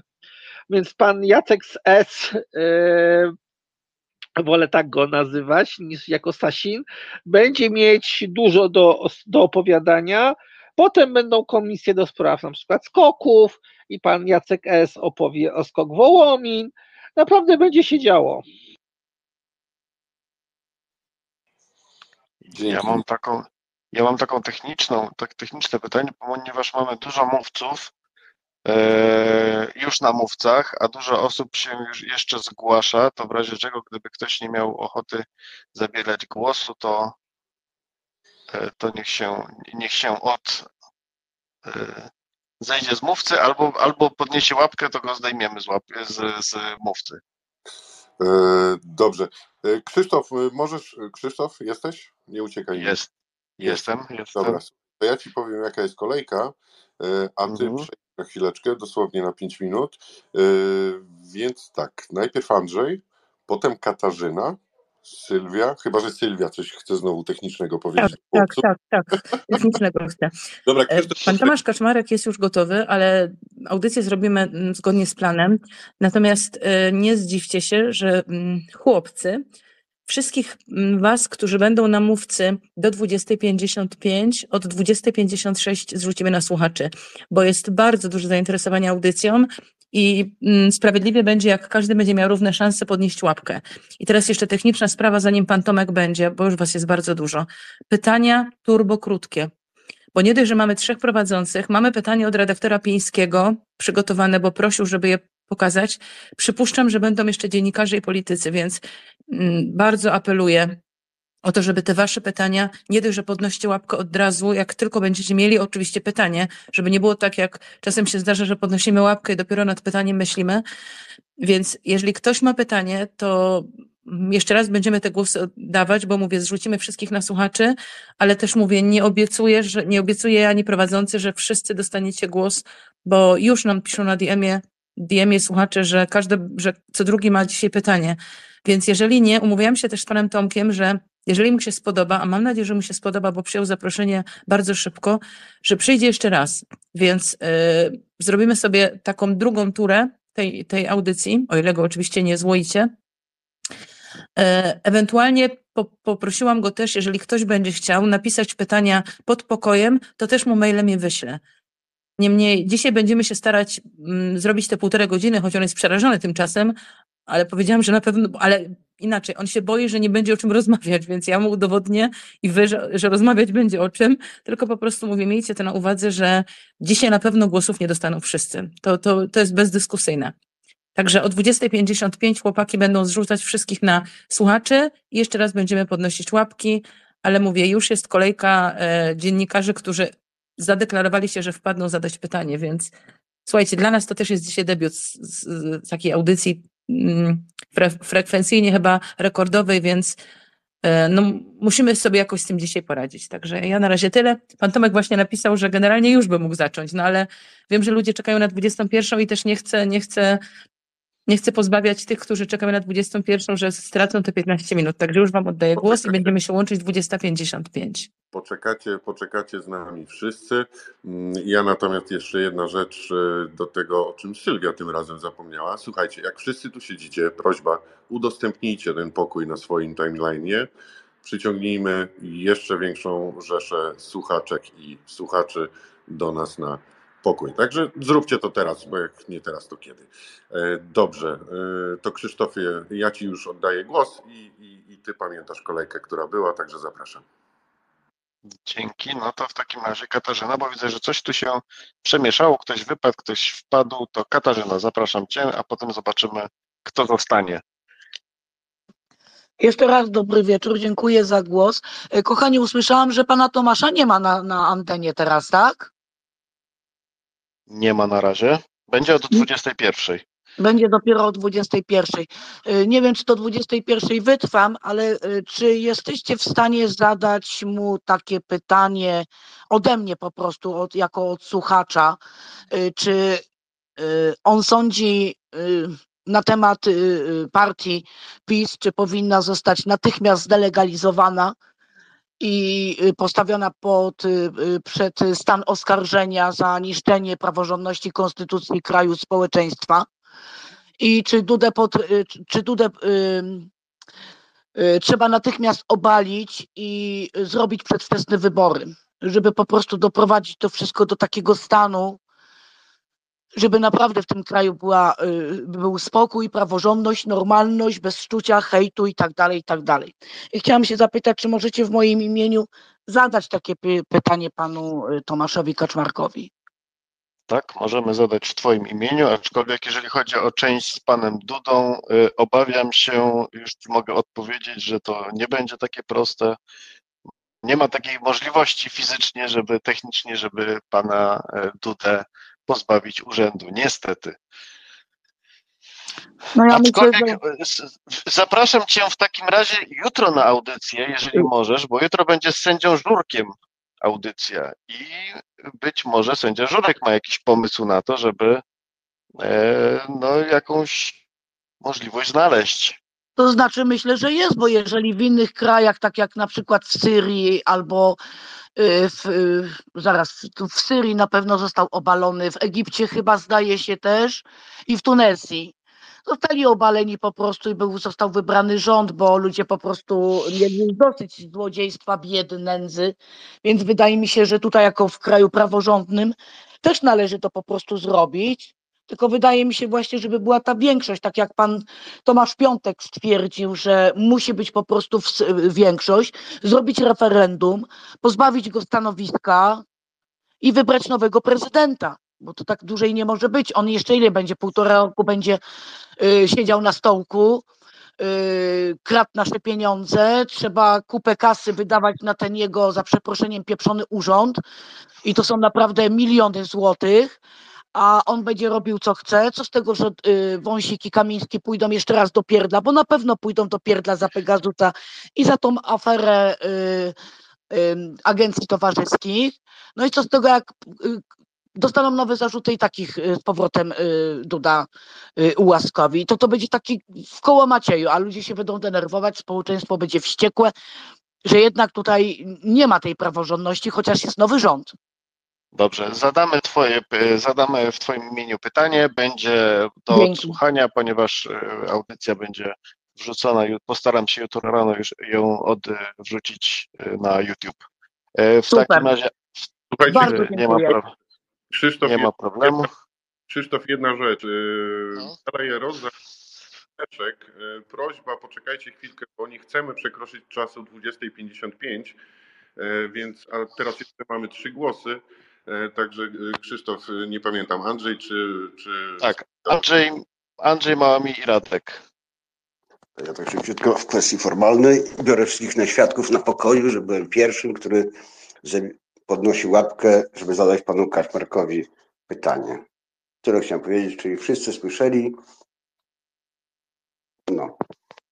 No, dobrze, będziemy pamiętali. E, Małami. Ja tylko chciałam uzupełnić, czy też dodać do wypowiedzi e, pana Harzyńskiego, że przeczytałam przed chwileczką, że e, mm, zidentyfikowano, nie wiem, czy to jest dobre słowo, ale jakkolwiek, e, dość nerwowe ruchy pana Ziobry. Otóż podobno zabrał dzieci z prywatnej szkoły i zmierza do innego kraju. No, To by potwierdzało właśnie to, o czym mówił e, pan Harzyński i, i to, że się dzieje już e, no, dość grubo. Dziękuję. Dzięki. No to Radek jeszcze zostałeś w takim razie jeden, masz nawet aż 8 minut, chyba Nie, że ktoś się ja jeszcze zgłosi. bardzo krótko, tylko z prośbą o zadanie pytania agentowi Tomkowi. E, Czy jeżeli e, ze strony e, śledczych e, padnie propozycja odpowiadania na pytania pod kontrolą bariografu, to czy on się na to zgodzi? E, I czy e, tematy, które dzisiaj będą poruszane, też byłby w stanie e, to, to samo powtórzyć pod kontrolą bariografu? Chodzi po prostu o uwiarygodnienie tego, co on tutaj dzisiaj będzie mówił.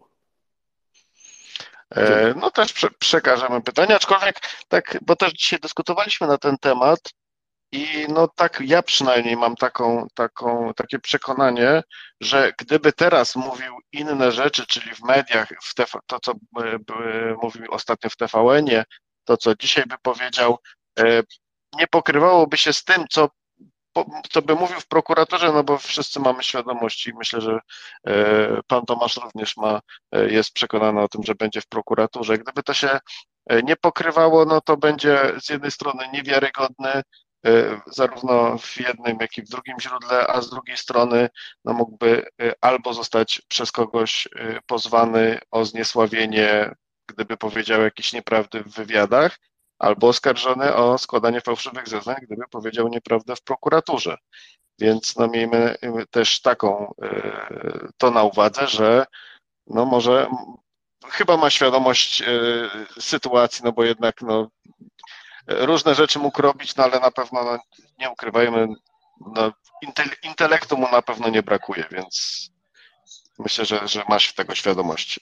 To jeszcze Biały Jerozę i... Poczekaj, poczekaj, poczekaj Krzysztof, jeszcze Biały... No, czekam, czekam. Jest, Rozy. Ja widziałem Twoje pytanie pod pokojem y, i taka mała sugestia do Was wszystkich, co teraz chcecie zabrać głos. Podejrzewam, że w tym samym temacie, czyli właśnie, żeby zadać Wasze pytanie, to prośba do wszystkich. Tak samo Katarzyna i inni, którzy zadawaliście nam te pytania, napiszcie je proszę w komentarzach, dobrze? My te komentarze, ja te komentarze też czytam pod pokojem. Białolej Rozy, widziałem Twój komentarz, zanotowałem sobie to jest nam po prostu łatwiej, aniżeli teraz wszystko spamiętywać i i potem z pamięci, żeby czegoś nie przekręcić, e, cytować, jeśli oczywiście będzie, będzie czas na audycji. Także e, prośba, prośba do Was, żebyście napisali w komentarzach e, swoje pytania. Jeżeli będzie czas, to będziemy je odczytywać i w Waszym imieniu je zadawać. A teraz oddaję głos Biala Jeroza honorkiem. Cześć wszystkim. Mój pierwszy raz na, na, na pokoju jako speaker, chociaż wiele razy słuchałam i, i, i bardzo lubię. Właśnie chciałam tylko powtórzyć to pytanie, które uważam, że jest bardzo ważne w kontekście tego, co mówi się, co, co się wczoraj wydarzyło, prawda, przewożenia pana Kamińskiego do szpitala i, i, i wielki, robienia z niego wielkiego męczennika.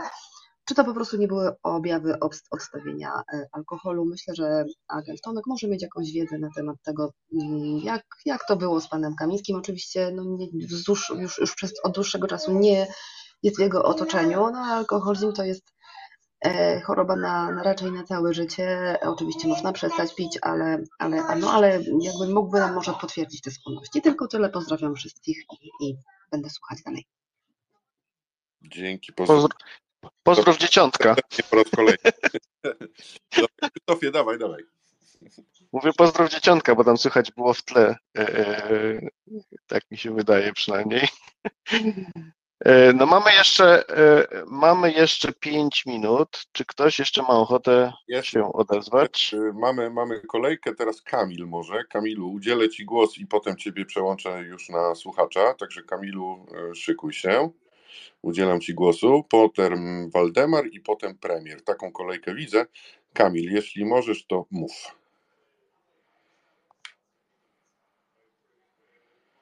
Kamilu, czy my się słyszymy?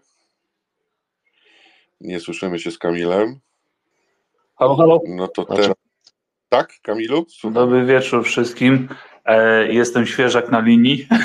Można powiedzieć, że e, przypadkowo tutaj znalazłem e, Państwa radio na koncie, jeśli chodzi o platformę X.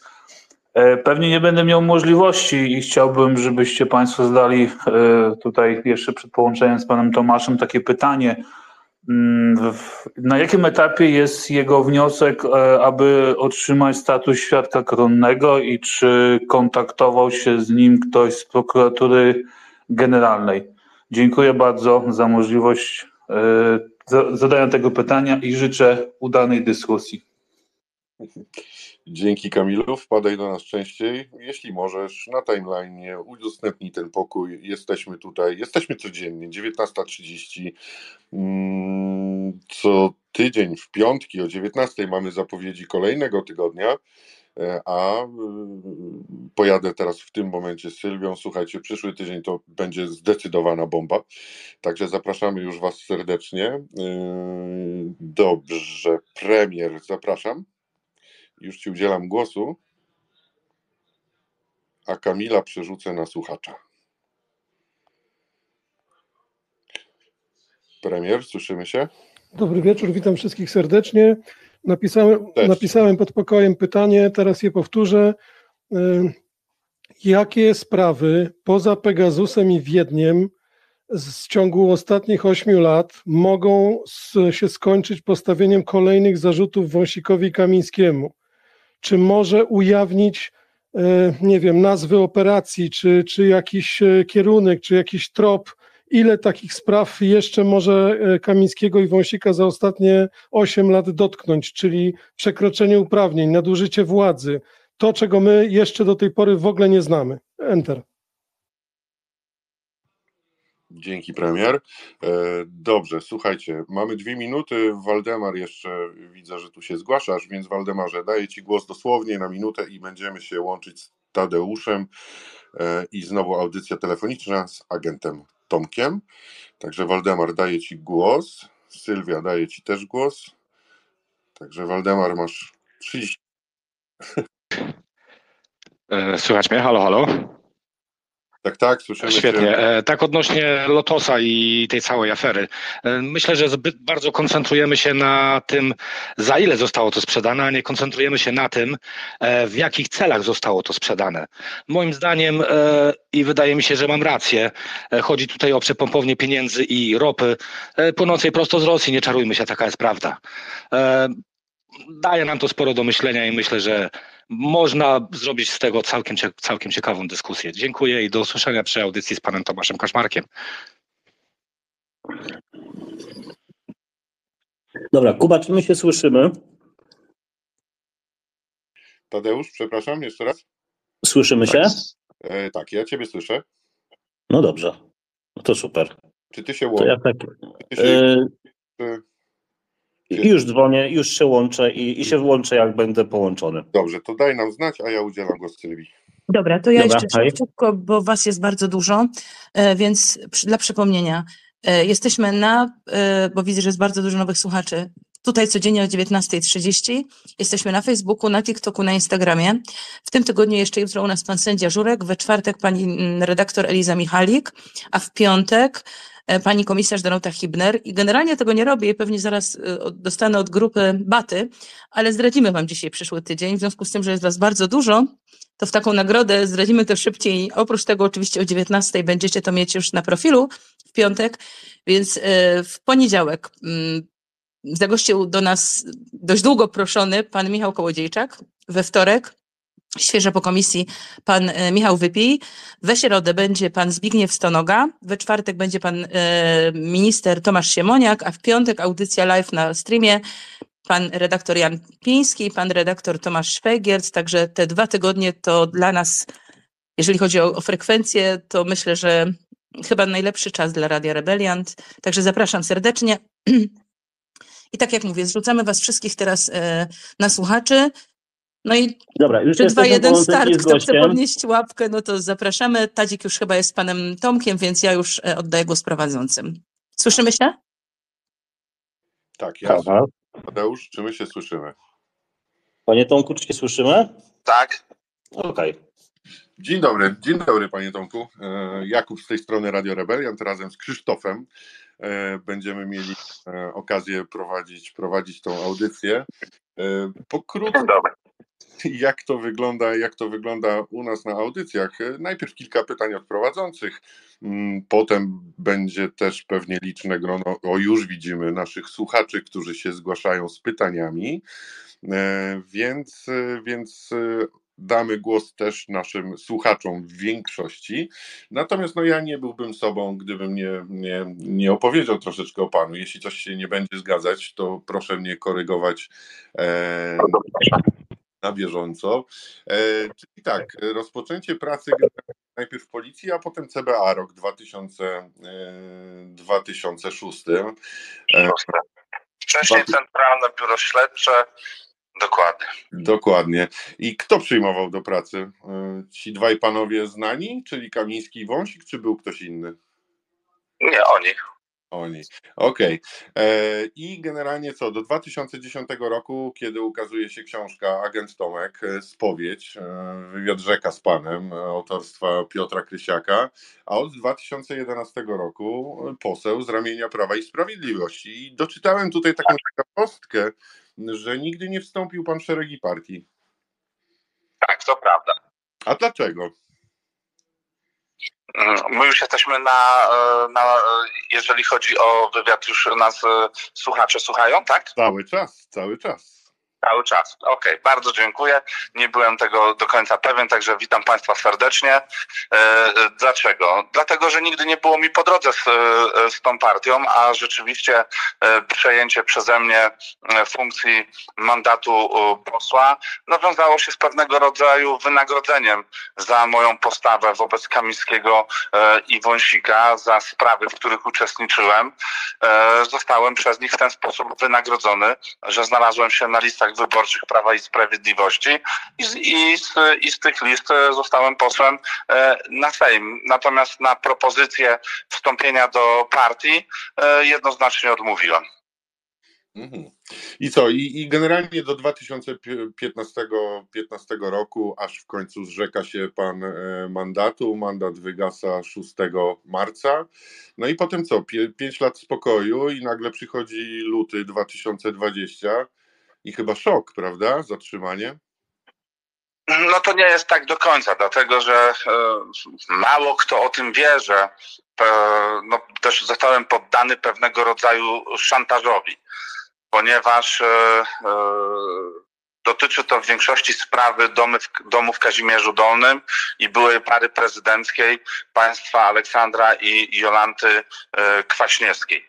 Mianowicie w 2015 roku do władzy ponownie wraca PiS.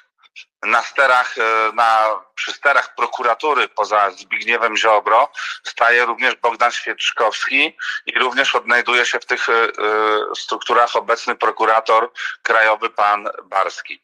Pamiętam jak wczoraj spotkanie ze Święczkowskim, który mówi do mnie Tomek, sprawę Kwaśniewskich wznawiamy i będziesz poddany czynnościom konfrontacji e, z figurantami tej sprawy i jeżeli będziesz zeznawał to, co do tej pory, na bazie tych twoich zeznań e, zamkniemy Jolantę Kwaśniewską. Tak zostanie umieszczona w areszcie e, śledczym.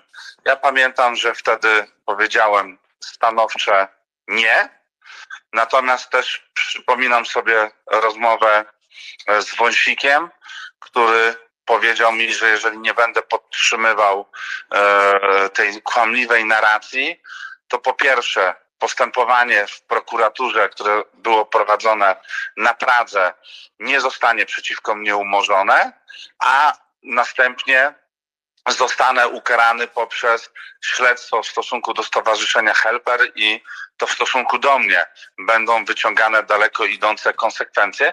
I tak się zresztą stało, ponieważ po, po tym jak y, udzieliłem wywiadu dla TVN y, Superwizjera y, i po nagraniach, po jednych z nagrań w nocy wróciłem do domu, to na drugi dzień y, zostałem zatrzymany, odwieziony do Białego Stoku i tam zastosowano wobec mnie tymczasowe aresztowanie. Także jakby te groźby ze strony Wąsika e, e, no, po prostu się spełniły.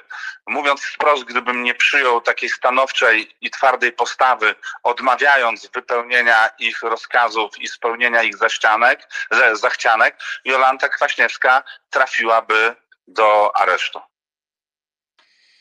Dzięki, dzięki, dzięki bardzo panie Tomku. Ja mam jeszcze miliony pytań oczywiście, natomiast no, yy, nie byłbym sobą, gdybym Krzysztofowi nie oddał temu teraz w tym momencie głosu, e, e, a potem, a potem naszym słuchaczom.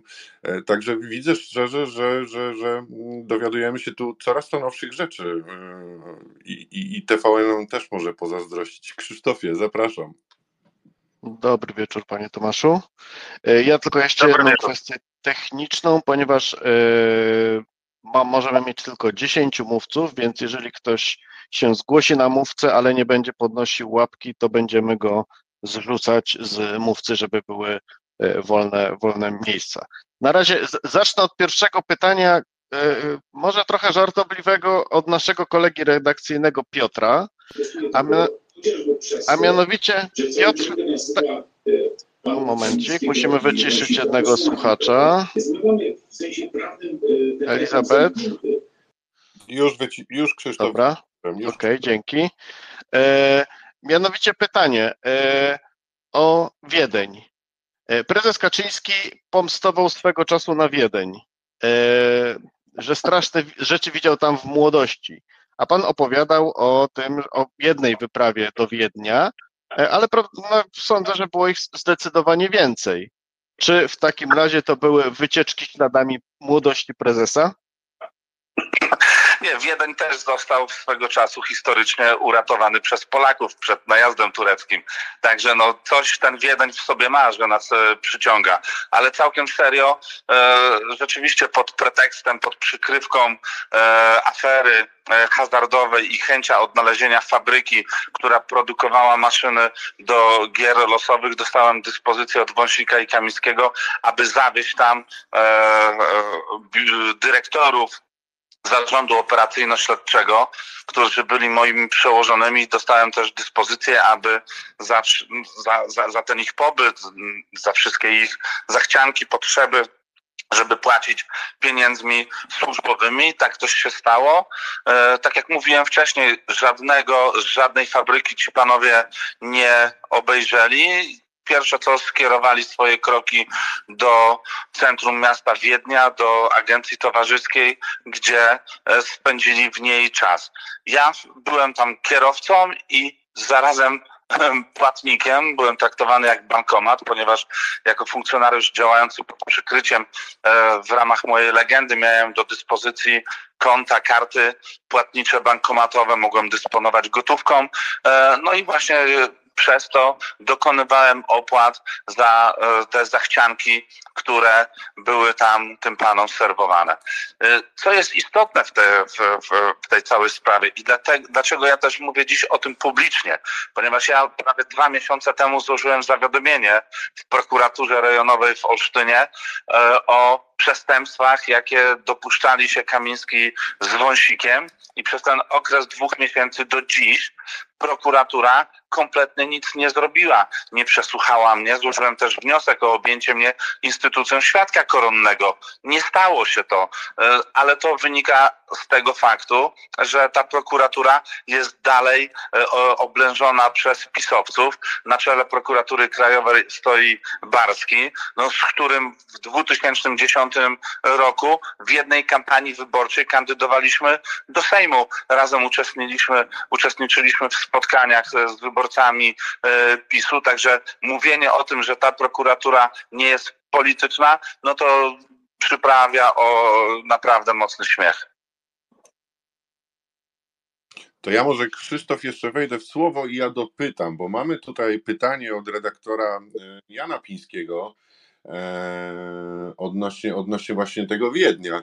Jak opisano te wydatki w dokumentach e, CBA i o jakiej kwocie, o jakim rzędzie wielkości takiej wyprawy mówimy? Mówimy o kwocie kilkudziesięciu tysięcy złotych, ponieważ była to dosyć e, huczna eskapada, natomiast zostało to rozliczone pod pozornym, e, pod pozorną obsługą e, osobowych źródeł informacji. Tak, informatoru, informatora, który był obsługiwany przez Centralne Biuro Antykorupcyjne, oczywiście hipotetycznie, bo takiego informatora nigdy nie było. Dzięki panie Tomaszu. E, Krzysztofie, e, oddaję ci z powrotem głos. Dobrze, to ja teraz e, pytanie zadam od siebie. Pytanie może zabrzmieć żartobliwie, ale liczę na poważną odpowiedź. W kontekście nawet dzisiejszej sytuacji. Przychodzi do pana pan Duda. Mam nadzieję, że wybaczy mi pan, że z szacunku dla urzędu nie będę go nazywał prezydentem. I tak, i tak do pana mówi, panie Tomaszu, wiele osób zarzuca mi, że nie ma argumentów przemawiających za ułaskawieniem. Czy mógłby pan wskazać jakieś zasługi panów w zakresie walki z korupcją albo jakieś cechy charakteru, zachowania? Co by pan y, odpowiedział panu Dudzie? Przede wszystkim kumpel y, ułaskawia kumpli politycznych. E, ci panowie są ramię w ramię e, kumplami od imprez od kieliszka. Świetnie spędzają ze sobą czas i byłem e, tego nieraz świadkiem, bo przypomnę z Dudą również w kampanii wyborczej uczestniczyłem w 2010 roku i miałem możliwość obserwowania w jaki sposób on się zachowuje i jego żona w relacjach z Kamińskim czy z Wąsikiem. Także tutaj jakby postawa Dudy, gdzie ułaskawia przestępców, tak naprawdę przestępców e, prawomocnie skazanych wyrokiem w drugiej instancji sądu, no po prostu ci politycy się tak będą bronić. Dlaczego? Dlatego, że Kamiński i Wąsik realizowali swoje e, zadania w Centralnym Biurze Antykorupcyjnym nie wynikające z ustawy o walce z korupcją, tylko realizowali zadania polityczne wyżynania swoich konkurentów politycznych lub tych osób, które dla partii PiS były, mówiąc wprost, e, niewygodne. Zasługi żadne. Y, Pyta się, o, odnosząc się do, do skazania i do afery gruntowej. Byłem bezpośrednim świadkiem rozmowy Wąsika e, z Krzysztofem B., kiedy Wąsik e, e, nakazał mu sfałszowanie podpisu na dokumentach e, wytworzonych, e, sfałszowanych dokumentach gminy e, Mrągowo. E, Ustawa mówi o tym, że CBA może wy, wykonywać dokumenty legalizacyjne.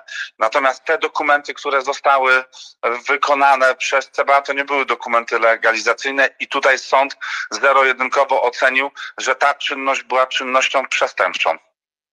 Z racji tego, że to radio jest live, to live podajemy informacje. Właśnie pan Kamiński wychodzi z więzienia. Krzysztofie, proszę kontynuuj. Niestety nie wiemy, czy ktoś coś dla niego przyniósł.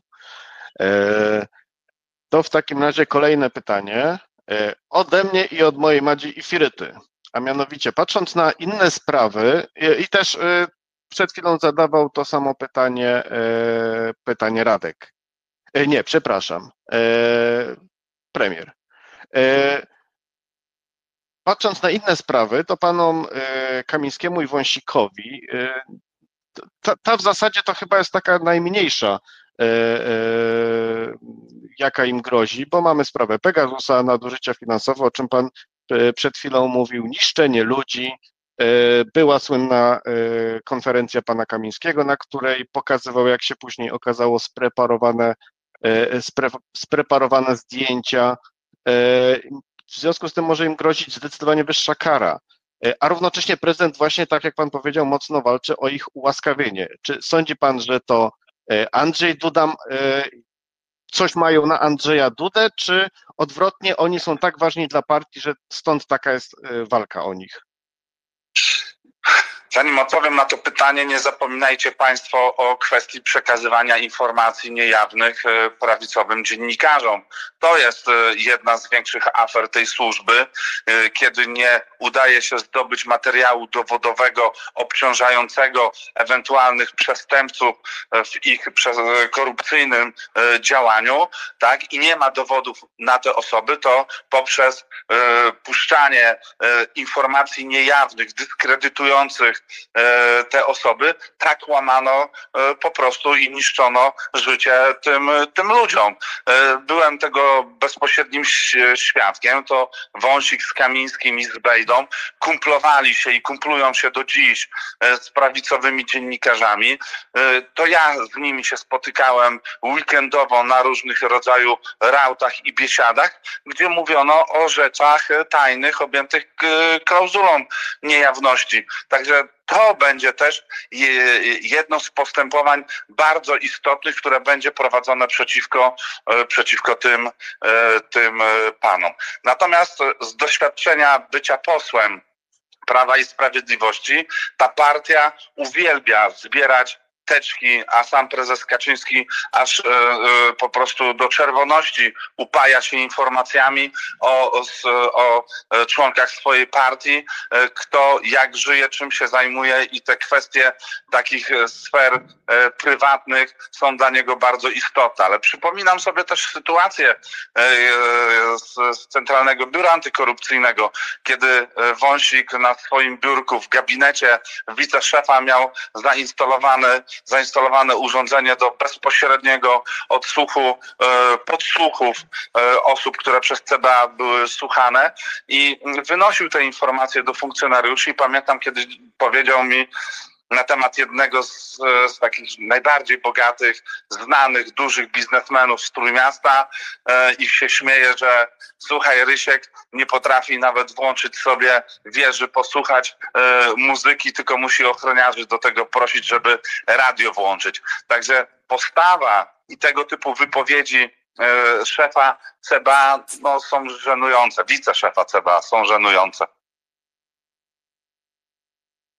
Dobrze, to w takim razie dziękuję bardzo. Na razie się może oddajemy- wstrzym... Tak, oddamy na razie głos, głos słuchaczom. Dobrze. E, I kolejka na razie jest taka: Artur, Andrzej, Radek, Kasia i premier, a potem dalej będziemy patrzeć. Będziemy szyć później tak jak w CBA szyli. Arturze, zapraszam. Dobry wieczór wszystkim, dobry wieczór panie Tomaszu. A, Dobry wieczór. Nie wiem, Artur czy- Machnik, Radio Rebeliant. Ktoś mi Okej. zakłóca, ktoś ma włączony mikrofon. No bo ja też, Artur.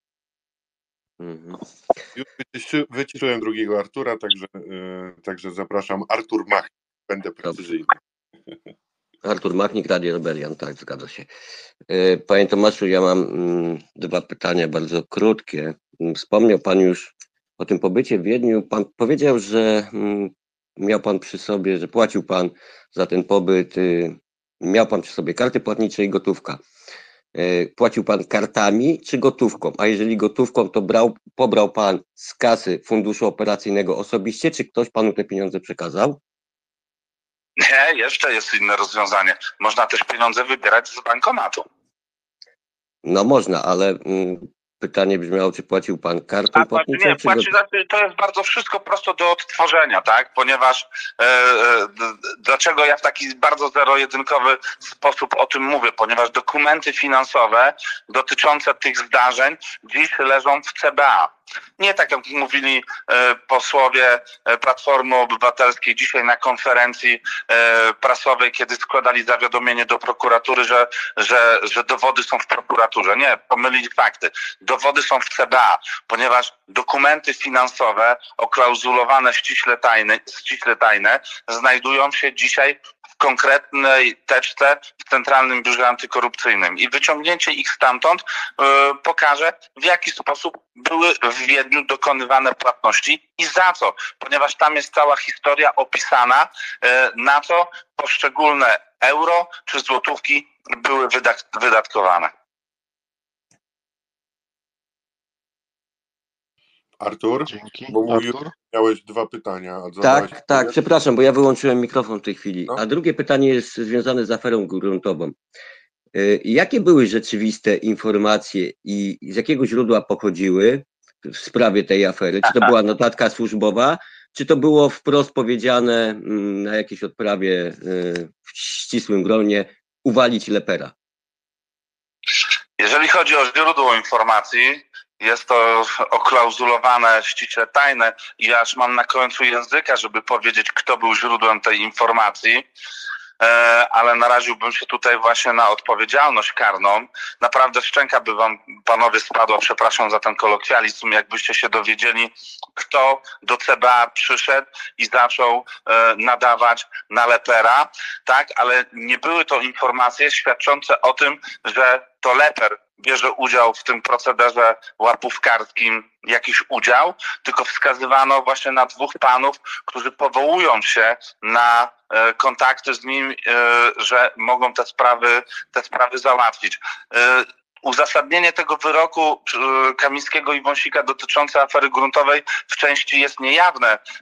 Znajduje się w kancelarii tajnej, dlatego no, myślę, że może kiedyś ktoś się pokusi, aby to, aby to odtajnić. Nie, ja rozumiem, dlatego nie chciałem, y, żeby pan naraził się na odpowiedzialność karną. Y, Ale jedno, co panu powiem, y, jest, jest na pewno stuprocentowe. W dniu, kiedy były przekazywane pieniądze, ja osobiście byłem w Ministerstwie Rolnictwa przed gabinetem ministra Lepera i nikt z pieniędzmi żadnymi tam nie dotarł. Dziękuję ślicznie za odpowiedź. Dzięki. Arturze, y, zrzucę cię, pozwolisz, nie obrazisz się na słuchacza, dobrze? Bo mamy tutaj łapek y, dużo jeszcze, albo sam po prostu y, zejdź i, y, i będzie prościej. Dobrze, kolejny w kolejce był Andrzej, potem Radek, potem Kasia. Andrzeju, zapraszam. E, Tylko ja wejdę jeszcze Ci w słowo. Jedna techniczna kwestia. Andrzej, zadasz pytanie i Cię też zrzucamy z mówcy i tak po kolei będziemy robić, bo mamy już maksimum. Oczywiście, rozumiem, wyrzucić trzeba. Dobry wieczór, panie Tomaszu. Dwa pytanka szybkie takie. Pierwsze, jak się pan czuje, wiedząc już w tej chwili, że, że Kamiński opuścił więzienie? I drugie pytanie, pojawiły się głosy... To może, to może odpowiem na, na, na to pierwsze, będzie mi zdecydowanie łatwiej. Dobrze, a później pan mi zada drugie. Dobrze? Tak, tak. Bardzo jeśli mogę poprosić. Po pierwsze, gdyby, gdyby to był czas, kiedy Kamiński z Wąsikiem mają w swoich e, rękach narzędzia w postaci służb, kiedy Ziobro e, włada prokuraturą, na pewno zastanawiałbym się, czy rano o 6 nie zapukają do moich drzwi. Bo, e, bo to jest ich metoda, to jest ich działanie, to jest e, właśnie wpływanie na świadków, zastraszanie ich i manipulacja. No oczywiście ja uważam, że wszyscy ci, którzy dopuścili się naruszenia obowiązujących przepisów prawa, powinni za nie ponosić konsekwencje. Dziś gołym okiem widać, że Duda ułaskawia kumpli, natomiast nie odnosi się kompletnie merytorycznie do uzasadnienia sądu, bo to nie są więźniowie polityczni. Ci panowie nie zostali skazani za walkę z korupcją, bo oni nie mają praktycznie żadnych sukcesów w walce e, z, e, z korupcją, e, poza jakimiś drobnymi sprawami na szczeblu samorządowym czy szpitala gminnego. I to są, i to są ich, ich sukcesy. Reszta to było po prostu atakowanie i gnębienie ludzi dla nich niewy, niewygodnych. I rzeczywiście, gdyby mieli dalej w swoich rękach tą władzę, jestem przekonany, że po ostatnich moich wystąpieniach, po tym, co powiedziałem, odkryłem prawdę e, i co jest dla nich niewygodne, na pewno chcieliby się na mnie zemścić. W 2019 roku, w 20 dokładnie, w 2020, kiedy mnie zatrzymano, wtedy się zemścili, od, odkręcili korki z szampanów i świętowali, że trafiłem za kraty. Fajnie, dziękuję ślicznie. Jeszcze raz drugie pytanie, może takie może nie, może nie będzie fajne, ale zada, zadać, się, zadać się chcę i muszę. Pojawiły się, Bardzo proszę. pojawiły się informacje, no takie no przekazy w przestrzeni publicznej, że teraz pańska ta ostatnia aktywność w mediach, w mediach, to pana dyskwalifikuje jak, jako, jako świadka, że staje pan się, nie, że staje pan się niewiarygodny, bo pan za dużo mówi. Oczywiście wie, ja nic, ja nic, ja mówię, to, to słowo dla mnie, dla mnie to jest ważne, ja mówię, ja daję, daję temu wiarę. Po prostu takie pytanie, czy to nie będzie miało, bo gdzieś tam będzie pan zeznawał, tak? Bo te sprawy Wojcika Kamińskiego, one dopiero, dopiero się rozpoczną, dopiero się rozpoczną, tym bardziej teraz po, po ich, no tym ale łaskawieniu y, prezydent, tfu, prezydenta, tfu, tfu, Dudy. I czy to nie wpłynie na, na, na pańską wiarygodność taka aktywność medialna? Dziękuję. Po pierwsze, gdzie mam dzisiaj o tym mówić? E, Opinia publiczna zasługuje na to, aby wiedziała, co się działo z ich e, pieniędzmi, co się działo z publicznymi pieniędzmi, w jaki sposób funkcjonowała służba, która miała stać na straży korupcji, miała zwalczać przestępczość, tak, a zwalczała tylko swoich e, oponentów i e, przeciwników. E, Czy, czy ta wiarygodność przed prokuratorem będzie, to oceni sam prokurator, ponieważ poza tym, że ja wskażę na elementy popełnianych przestępstw, wskażę, gdzie szukać dowodów, to na pewno zostanie przeprowadzona szeroka analiza śledcza tych wszystkich wątków.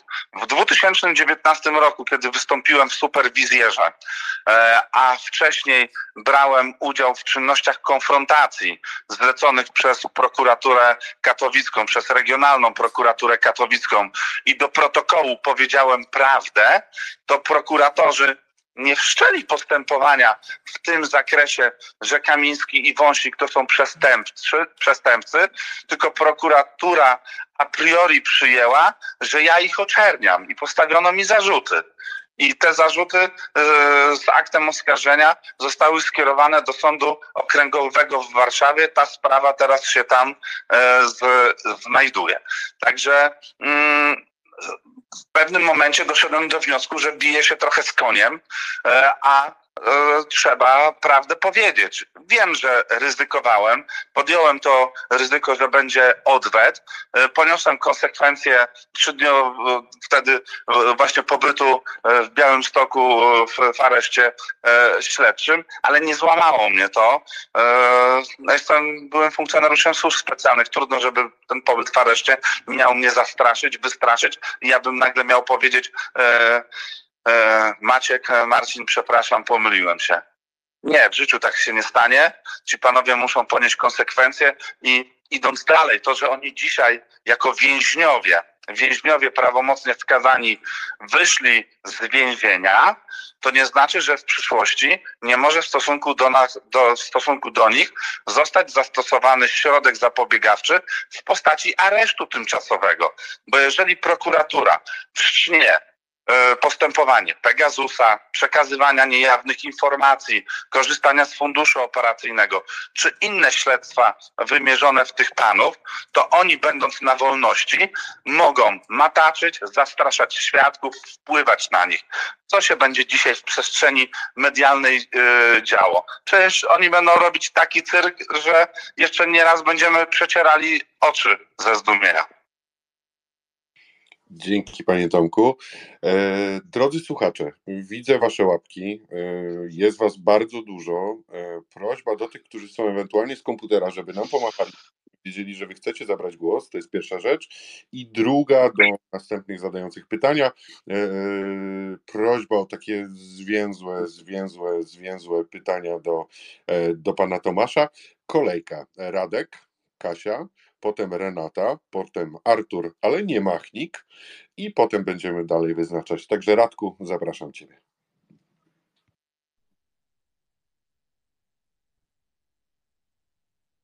Halo Radkus, jest, jesteś z nami? Ja, ja Radka nie słyszę. Ja też nie. Okej, Radku, prośba, prośba, wyjdź wtedy, bo Ciebie zupełnie nie słychać. Ja widzę mikrofonik ci, ci lata na niebiesko, natomiast w ogóle Ciebie nie słychać. Prośba, wyjdź, wejdź yy, i jeszcze raz będziemy próbowali się łączyć z Tobą. E, Następna w kolejności Kasia. Kasiu, zapraszam. Dobry wieczór, y, Kasia Radio Rebeliant. Ja mam dwa pytania, jedno od siebie, a drugie od słuchacza.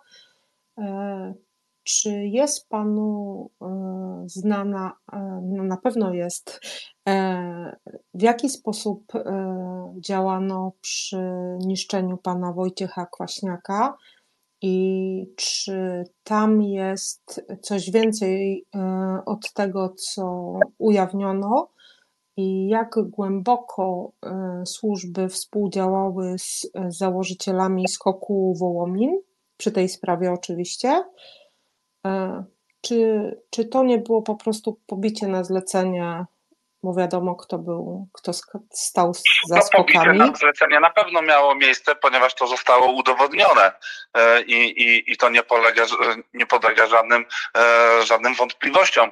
Natomiast, natomiast co mógłbym Państwu polecić? Mógłbym Państwu polecić ostatnią imprezę skoku Wołomin, jaka została zorganizowana, kiedy e, e, kobieta pełniąca tam bodajże funkcję dyrektorską została tymczasowo aresztowana, a skok jeszcze organizował e, taką coroczną e, imprezę właśnie e, pod, e, pod Warszawą i jacy ludzie e, z PiSu, ale też jacy dziennikarze prawicowi brali udział w tej e, imprezie. Także tutaj powiązania, powiązania e, zarówno tych dziennikarzy prawicowych, jak i polityków PiSu e, ze skokiem Wołomin są e, zero-jedynkowe. Przypominam sobie, że w tamtym okresie również na Nowogrodzkiej e, została powołana taka grupa specjalna składająca się z byłych funkcjonariuszy służb specjalnych, która była zadaniowana do tego, aby tą sprawę wyciszać. Dziękuję. A drugie to będzie od naszego słuchacza. Czy nie obawia się Pan, że e, e, cała otoczka pójścia Pana jako świadka koronnego, e, wokół tej otoczki nie jest za głośno i za dużo się o tym mówi? Czy, czy to nie zaszkodzi samemu, e, e, samym, samej instytucji świadka koronnego i Pana zeznaniu w przyszłości? E, należy podkreślić, że mój udział w tej sprawie jako świadka koronnego nie będzie polegał na tym, że ja nagle zniknę, zmienię nazwisko i zostanę ukryty w Brazylii, tak, bo, bo, bo nie taki jest mój cel, tak, ja chcę pod moim nazwiskiem z otwartą przyłbicą mówić o tym, w czym brałem udział, ale w momencie, kiedy zabrałem głos, chcę mieć tą pewność i gwarancję, że te przestępstwa, w których uczestniczyłem z Kamińskim i z Wąsikiem, kiedy oni wykonywali mi rozka- e, wydawali mi rozkazy, żebym postępował w taki czy inny sposób, to żeby to oni ponieśli konsekwencje, bo oni tym sterowali, oni byli za to wszystko odpowiedzialni, żeby oni ponieśli, żeby oni ponieśli konsekwencje, a nie ja. E, to tak jak wcześniej powiedziałem, nie chciałem na swoje barki wziąć odpowiedzialności e, zatrzymania pani Kwaśniewskiej w areszcie, tak? I, i tutaj się sprzeciwiłem. Poniosłem za to e, karę, e, gdzie byłem jeszcze szantażowany wcześniej, e, ale poniosłem karę za tą swoją decyzję. No dlatego oczekuję, że, że prokuratura tutaj no, podejmie stosowne kroki, ale jak widać przez dwa miesiące nawet palcem nie kiwnięto w tym kierunku. Dzięki panie Tomaszu. E, przed zapowiedziami to jeszcze udzielimy e, głosu Radkowi. Radku, mam nadzieję, że teraz uda się połączyć z tobą. Radku, Radku. Radku. Coś, coś chyba techniczne, jakieś problemy. No dobrze. Radku, nie słyszę. Niestety. No to... Okej, dobra. No, Poczekaj, poczekaj, odezwij się teraz, proszę. Teraz słychać mnie może? Tak, tak. Teraz tak. cię słychać. Teraz mnie Teraz słychać, okej. Tak to dajesz, dajesz. E, Dobry wieczór, e, Pani Tomaszu Radek Owczarek. E, Taka sprawa, rok 2006-2007, e, Beata Sawicka, Pana największy sukces prawdopodobnie w karierze zawodowej. Czy później z perspektywy czasu, jak Pan patrzy na tę sprawę, czy miał Pan takie wrażenie, że Pani Sawicka mogła zadłużyć się w Panu, czy że mógł ją Pan rozkochać? To jest pytanie numer jeden. Pytanie numer dwa. Czy pier- to pierwsze od- odpowiem na to pytanie, jeżeli pan pozwoli, a później drugie. Przede wszystkim zacząłbym od tego, że to nie był mój największy sukces zawodowy, e, ponieważ e, wcześniej jako funkcjonariusz pracujący pod przykryciem e, infiltrowałem poważne struktury bandyckie i przestępcze, chociażby handlarzy narkotyków czy, czy kobietami. Prawie rok czasu spędziłem w, grupie przemycającej narkotyki na zachód Europy i wszyscy ci, którzy dopuszczali się tego handlu narkotykami, zostali e, skazani. I to jest mój największy sukces zawodowy jako funkcjonariusza pracującego pod przykryciem. Natomiast, e, natomiast e, jeżeli chodzi o panią Sawicką, to sąd w drugiej instancji ją uniewinnił. I też należy wskazać, że rozpoczęcie w ogóle tej całej akcji odbyło się na nieprawdziwych dokumentach, które zostały e, e, sfałszowane. E, I jeżeli prokuratura się tym zajmie, wskaże konkretną notat, notatkę i wskaże akapity e, zapisów konkretnego dokumentu, e, gdzie są opisane nieprawdziwe e, zdarzenia, e, na bazie których e, przystąpiono do realizacji operacji specjalnej. Pani Beata Sawicka w tej sprawie jest ofiarą, która została wykorzystana do tego, aby dyskredytować Platformę Obywatelską. Nie bez przypadku znalazłem się na kursie dla członków rad nadzorczych spółek z kapitałem Skarbu Państwa, gdzie e, w tym szkoleniu brali udział politycy Platformy e, Obywatelskiej e, i tak naprawdę wtedy Kamińskiego, Wąsika czy Bejdę interesowało tylko to, co się dzieje z przedstawicielami Platformy, jakie mam z nimi relacje i w jaki sposób można ich umoczyć w przestępczą działalność. Okej. E, Drugie pytanie, znaczy nie, nie uzyskałem odpowiedzi odnośnie tej sfery uczuciowej, tak? Czy pani, e, czy ona mogła mm, no, rozkochać się, zakochać się w panu? E, Natomiast e, drugie pytanie, jeżeli śledczy e, zaproponują pa- panu e, odpowiadanie e, pod kontrolą wariografu, e, to czy pan się na to zgodzi? Jak najbardziej tak. Jeżeli tylko prokurator, który będzie prowadził to postępowanie, będzie chciał skorzystać z tego rodzaju metody, nie mam żadnych przeciwwskazań. Jak najbardziej tak. Dziękujemy za odpowiedź. Chciałbym e, po, przywitać pana Jerzego Dziewulskiego, którego widzę, że nas słucha. i Wojtka Zawiołę, który się, który, który też na, do nas zawitał. E, jeśli mogę, to jeszcze zadałbym pytanie. W takim razie tutaj Radek się dobił z pytaniem. E, wcześniej Kamil Młynarski prosił o zadanie pytania. Na jakim etapie jest wniosek świadka, o świadka, świadka koronnego? Jeżeli może Pan nam to zdradzić, oczywiście. Protokół z przesłuchania trafił do prokuratury krajowej, czyli do Barskiego. Barski przesłał to do okręgówki. Dostałem takie oficjalne pismo. No i przez dwa miesiące nic się, nic się nie dzieje. Zostało to zabetonowane. Także co dalej z tym będzie, nie mam zielonego pojęcia. Aha, no teraz pan Barski już nie jest, nie jest prokuratorem krajowym i no to zobaczymy, no, co ale, będzie dalej. Tak, został przez pana ministra odwołany, natomiast nie chce w żaden sposób opuścić e, swojego biura, a prokuratorzy, którzy są mu podlegli, dalej tam sprawują swoje funkcje. Dlatego no, tak daleko idącej zmiany, e, tak daleko idące zmiany wymagane są w tej instytucji, żeby ją w końcu odpolitycznić. No zdecydowanie tak. E, nie zauważyłem, tak, jeszcze, jeszcze chciałem pozdrowić pana Witolda Zębaczyńskiego i pana Roberta Kwiatkowskiego, którzy też słuchają naszej dzisiejszej audycji. Witamy. Kuba, oddaję Ci głos. Witamy panów również serdecznie. E, panie Tomku, to jest ta chwila, e, to jest ta chwila na łyk wody. Ja wiem, że policjant jest twardy, może, może długo zeznawać. Natomiast, natomiast e, drogie rebeliantki, drodzy rebelianci, zacytuję naszego dzisiejszego gościa, gdzie mam dzisiaj o tym mówić? Jeśli nie na Radiu Rebelian, to oczywiście to jest moja dopowiedź. Słuchajcie, żebyśmy my się jeszcze bardziej rozwijali. Kupiliśmy już dwa telefony, e, jeszcze jedziemy z tematem mikrofonu i tak dalej, i tak dalej. Na górze Wam wrzuciłem temat zrzutki, natomiast bardzo Was prosimy i to jest dla nas bardzo, ale to bardzo ważne i wydaje mi się, że dla Was też, bo jeżeli, żeby takie radio obywatelskie, takie medium, przynajmniej na Twitterze, dla Was działało i dla nas również, naszą przyjemnością jest zapraszanie takich gości dla Was, a Waszą przyjemnością jest zadawanie im pytań, bo gdzie jak nie tu macie taką możliwość. Słuchajcie, jesteśmy dostępni, jesteśmy dostępni na Facebooku, jesteśmy dostępni tutaj oczywiście na Xie, od niedawna na Instagramie oraz na TikToku i co najważniejsze na YouTubie, gdzie dzisiejszą audycję z panem Tomaszem będziecie mogli już odsłuchać na pewno jutro w godzinach e, porannych.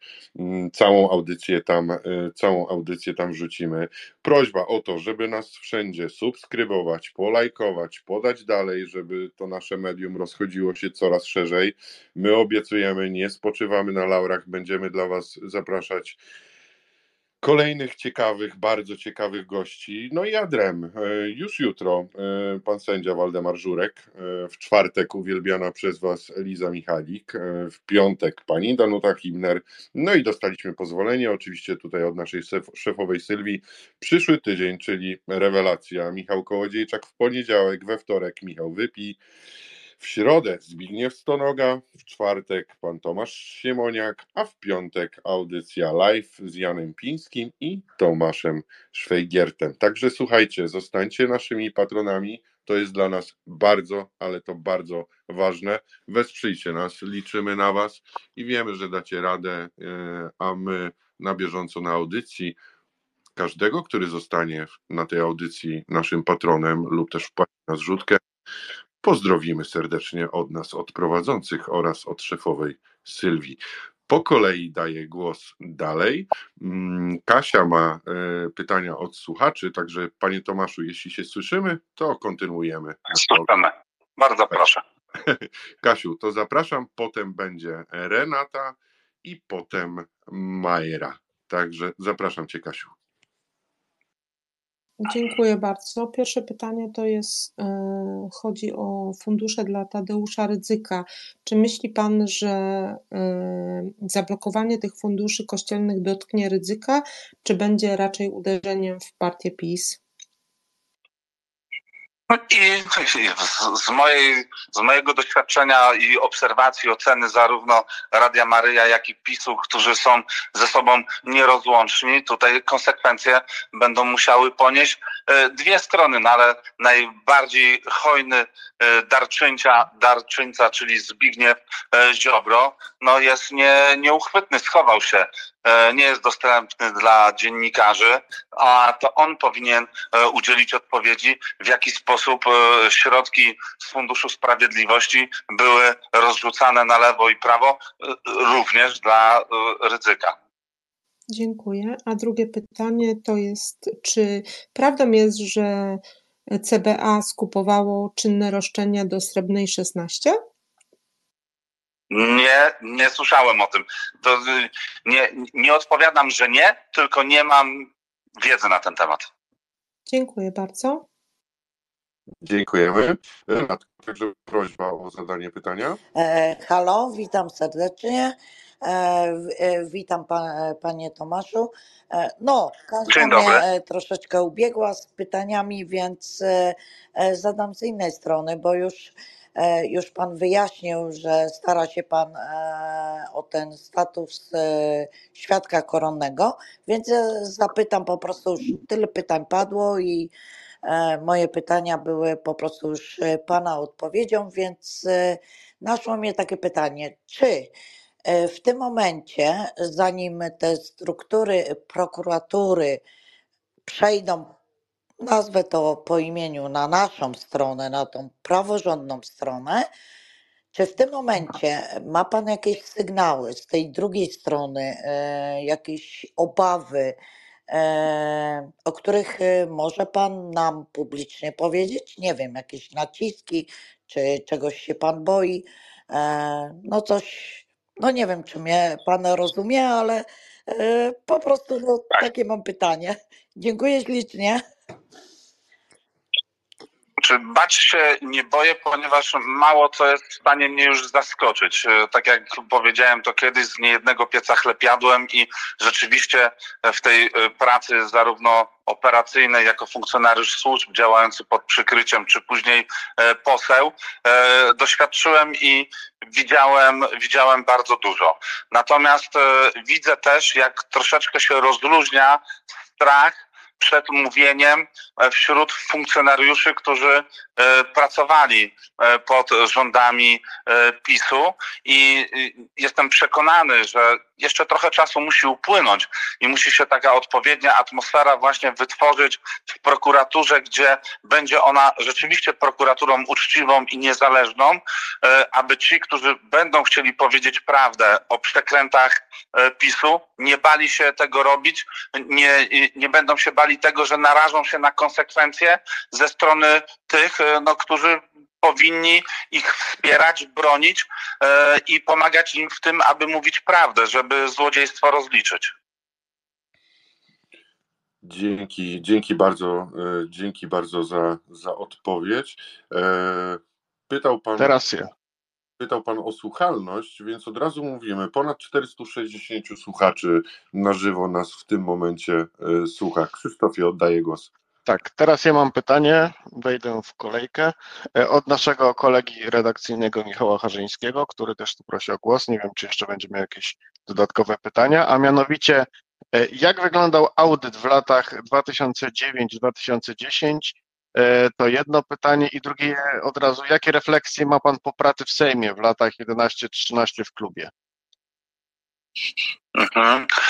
E, jeżeli pyta Pan o audyt e, w, latach 2009-2010, no, był, był to czas, z tego co pamiętam, bodajże chyba w końcówce roku 2009 przyszedł na stanowisko szefa e, Paweł Wojtunik i to on e, podjął tutaj kwestie związane ze sprawdzaniem, czy do, nie dochodziło do jakichś nieprawidłowości i w związku z tą pracą zostały złożone zawiadomienia do prokuratury. Między innymi to ja w prokuraturze okręgowej na Pradze usłyszałem zarzuty przekroczenia uprawnień e, w swojej pracy jeżeli chodzi chodzi o prywatyzację wydawnictw naukowo-technicznych, czyli pani Weronika Marczuk i dom w Kazimierzu Dolnym, czyli państwo Kwaśniewscy. Natomiast e, wtedy e, Kamiński powiedział mi wprost, ty zrzeknij się immunitetu, weź te zarzuty na siebie, ja będę bronił się e, przed Sejmem, e, nie możemy we dwóch występować przed kamerami. No i rzeczywiście tak e, też się stało. Sejm nie uchylił mu immunitetu, ja pozostałem wtedy sam na placu boju i rzeczywiście na jednym ze spotkań do, powiedziałem do Wąsika, mówię, co było dwa lata, przecież ja nie będę tego wszystkiego brał e, na swoje barki. Mów tak, jak mówiłeś do tej pory, cytuję Wąsika, a my tą sprawę umorzymy. I rzeczywiście, jak PiS wygrało w 2015 wybory, nastąpiła zmiana prokuratora prowadzącego to postępowanie e, i wtedy e, nowy młody chłopak, który wziął to postępowanie w swoje ręce, e, umorzył je w całości. A pytań o, o refleksję z pracy w o Sejmie? Refleksję są trochę gorzkie, trochę może mało powiedziane, dlatego że e, jakby Kamiński i Wąsik, Wąsik nie był wtedy posłem, kiedy ja byłem w Sejmie, był Kamiński i zawsze było takie przeświadczenie, że słońce nad służbami, nad CBA może świecić tylko, tylko jedno. Także tutaj też dostawałem wielokrotnie e, e, takie jakby informację, że mam nie wychylać się przed szereg, a mój częsty udział w, wywiadach, e, w mediach nie jest mile widziany. Dobrze, dziękujemy bardzo za odpowiedź. E, to w tej chwili kolejkę na kolejne trzy osoby to będą Majra, Justyna i Adam. Dobry wieczór. Miło mi gościć tutaj. Witam pana Tomasza. Mam jedno pytanie. E, oczywiście w różnych e, mm, e, sprawach, rozprawach i komisjach wiadomo, jak to jest w sądach, słowo za słowo najczęściej. Ja mam takie pytanie. Wiedział Pan, robiąc to, co Pan robił, o czym wiemy w jakiejś tam części, bo nie wszystko, czy Przygotował się Pan, przygotowywał się Pan w jakiś taki sposób, y, y, żeby mieć y, taki, taki glejt zabezpieczający siebie w postaci nośników elektronicznych najróżniejszego, najróżniejszego typu, nagrania, zdjęcia. Czy, czy Pan przewidział, co, no, że, że, że przyjdzie taki moment, że trzeba się będzie czymś takim podpierać? Dziękuję. Tutaj wprost na to pytanie nie odpowiem, dlatego że nie chciałbym e, zdradzać jakby e, kulisów tego, co mam przygotowane. Pozostawiam to dla e, prokuratury.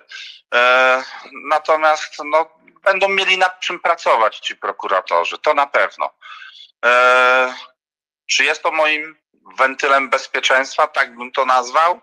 Nie, nie jest, y, bo jeżeli Kamiński z Wąsikiem byliby u sterów władzy, to na pewno dziś zerwaliby mi parkiet w domu, y, żeby tylko móc odnaleźć y, tego rodzaju chociażby nośniki i pewnie do tego by się posunęli. Natomiast ja cierpliwie czekam na to, co zrobi dzisiaj prokuratura. Bardzo dziękujemy za odpowiedź. E, Majra, przepraszam, jeżeli nie za, e, wcześniej nie słyszałaś, zrzucam z mówcy, ponieważ mamy bardzo dużo osób, więc od razu po zadaniu pytania zrzucam z, e, z mówcy na słuchacza. Justyna, zapraszam. Dobry wieczór wszystkim, dobry wieczór panie Tomku. Dobry wieczór pani. Mam takie pytanie dosyć nieoczywiste, aczkolwiek ten wątek padł na samym początku.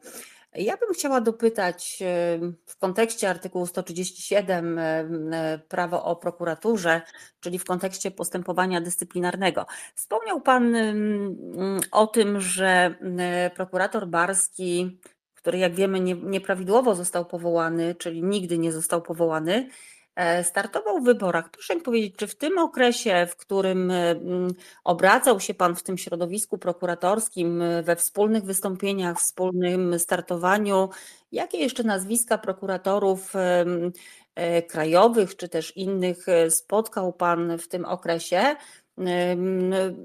W kontekście działalności publicznej nie dającej się pogodzić z zasadą jakby niezależności, czy też różnych działań mogących E, utrudniać funkcjonowanie wymiaru sprawiedliwości lub prokuratury. To jest takie hasło bardzo ogólne, czyli, ale generalnie jakby Pan przybliżył te okoliczności i osoby, które w tym czasie współuczestniczyły, z którymi Pan miał styczność, w jakiś sposób uczestniczyły w tym procesie wyborczym.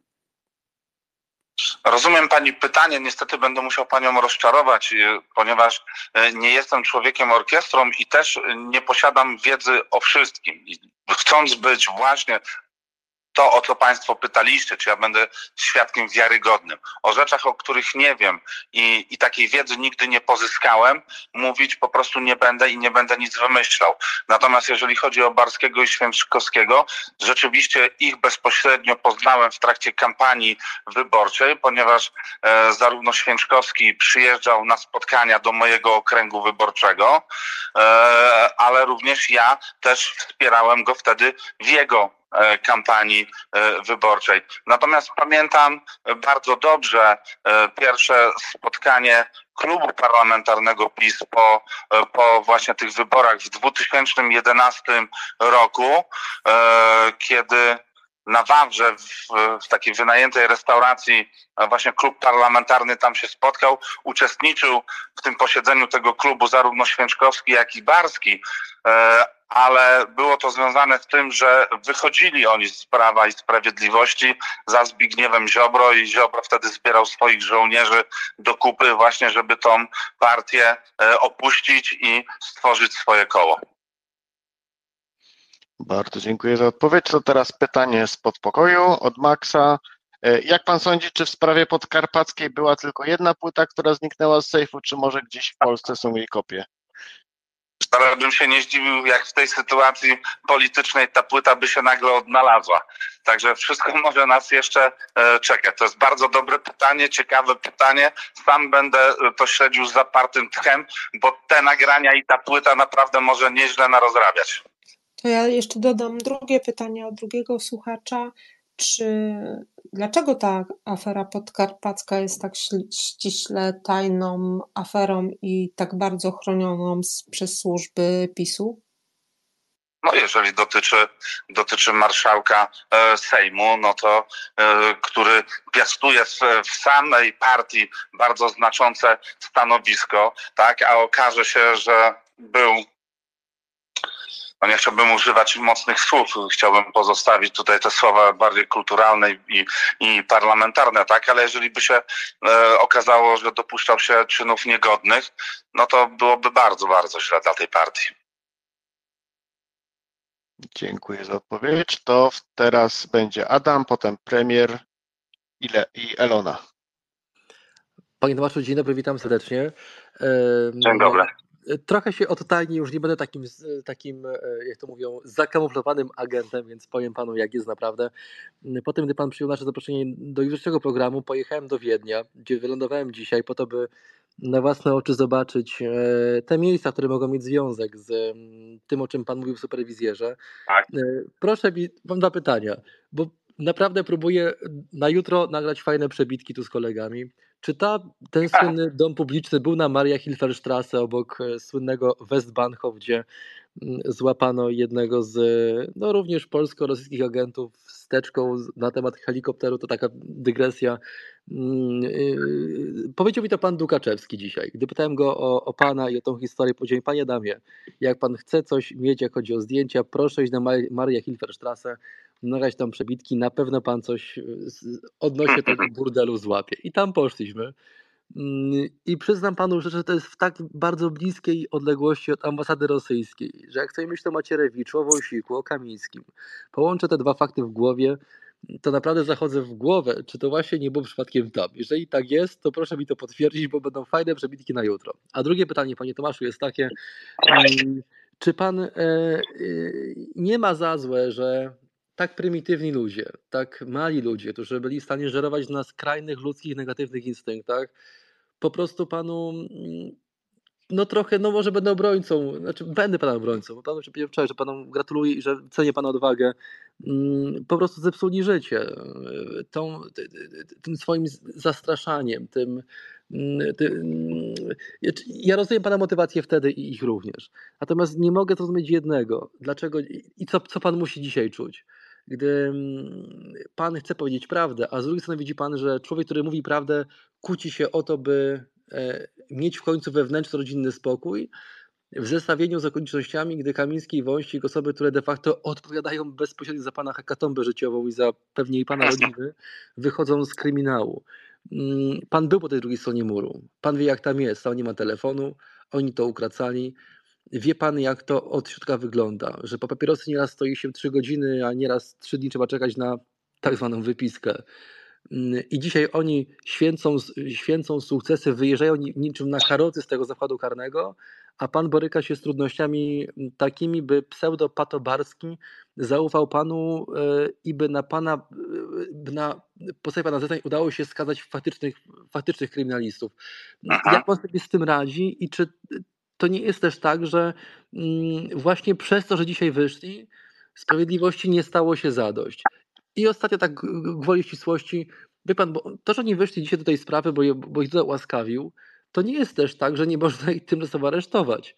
A z tymczasowego aresztowania tak, nie można ich ułaskawić, ponieważ są nieskazani, a tymczasowo aresztowani. Więc podsumowuję, reasumując, Awe Radio Rebeliant. Mm, e, panie Tomaszu, pierwsze, czy to jest Maria Hilderstrasse? lub te okolice? Chodzi tu odnośnie, odnośnie jedno zaraz panu odpowiem, natomiast skupię się na odpowiedzi e, na, na drugie pytanie.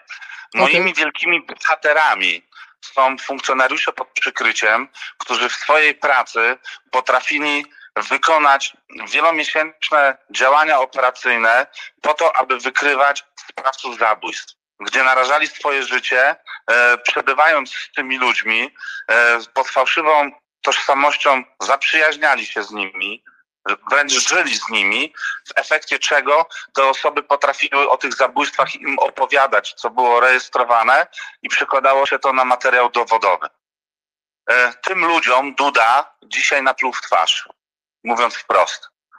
Całemu temu środowisku, które wykorzystywał Kamiński i Wąsik do tego, żeby narzędzia w postaci funkcjonariuszy pod przykryciem e, wykorzystywać do swoich e, niskich politycznych celów wyżynania konkurencji, e, Duda napluł po prostu im w twarz. Jak ja do tego podchodzę? Tak, żałuję, że dałem się namówić, aby w 2006 roku przejść z Centralnego Biura Śledczego do CBA. Nie zdawałem sobie sprawy z tego, że moje umiejętności komunikacji interpersonalnej, łatwości nawiązywania kontaktów, odnajdywania się w różnego rodzaju środowiskach, bo ja potrafię rozmawiać i w języku gangsterskim, i parlamentarnym, i biznesowym. Nie będę miał problemów z tym, aby nawiązać komunikację z przedstawicielami e, różnego rodzaju e, środowisk. I te umiejętności, które, no, których wyszkoliło mnie państwo, E, za które podatnicy płacili, zostało przez Kamińskiego wykorzystane właśnie do tych spraw, w których, e, w których e, uczestniczyłem. Czasu się nie da cofnąć. Natomiast dziś mogę to wszystko naprawić przez moją uczciwą postawę. Dziękuję, że Pan powiedział, że jest ona odważna, ale ona też jest wynikiem wsparcia.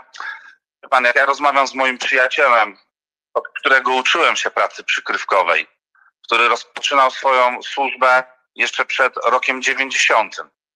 I dziś państwo mu zabrało część emerytury, a ten człowiek, poświęcając, narażając swoje życie, zamykał największych gangsterów w Polsce do więzienia, robił jedne z najbardziej niebezpiecznych operacji specjalnych w Polsce. Jemu politycy PiSu zabierają emeryturę, to złość wzbiera wśród tych funkcjonariuszy e, naprawdę bardzo mocno, ale e, chcę podkreślić, nie był człowiekiem, który e, wykonywał nie wiadomo jakie zadania za, przed rokiem 90. Wtedy był praktycznie młodzieńcem, który był członkiem klubu sportowego, a wtedy kluby sportowe wiadomo, że były albo wojskowe, policyjne, hutnicze, górnicze, tam miały swoje umocowania i ten człowiek po prostu jako, jako nas, no, no młody nastolatek e, trenował, będąc na takim etacie, gdzie dostawał pieniądze. Tym bardziej, że miał styczność z Kamińskim i wtedy, kiedy dzielił się swoją wiedzą i podpowiadał, jak operacyjnie pracować, to go klepali po ramieniu i mówili, Boże, jaki ty jesteś wspaniały, tak? Ale jak doszło co do czego i powołali komisję, żeby tych ludzi rozliczać, to nikt mu nie podał ręki, aby mu pomóc. To jest straszne. Dzięki, dzięki panie Tomku. No chciałem jeszcze przypomnieć, że był też e, klub sportowy Tęcza. E, dobrze, zanim oddamy głos. E, tak, to Kasiu, ty masz jakieś, jakieś pytanie jeszcze od słuchaczy? Mm, tak, no.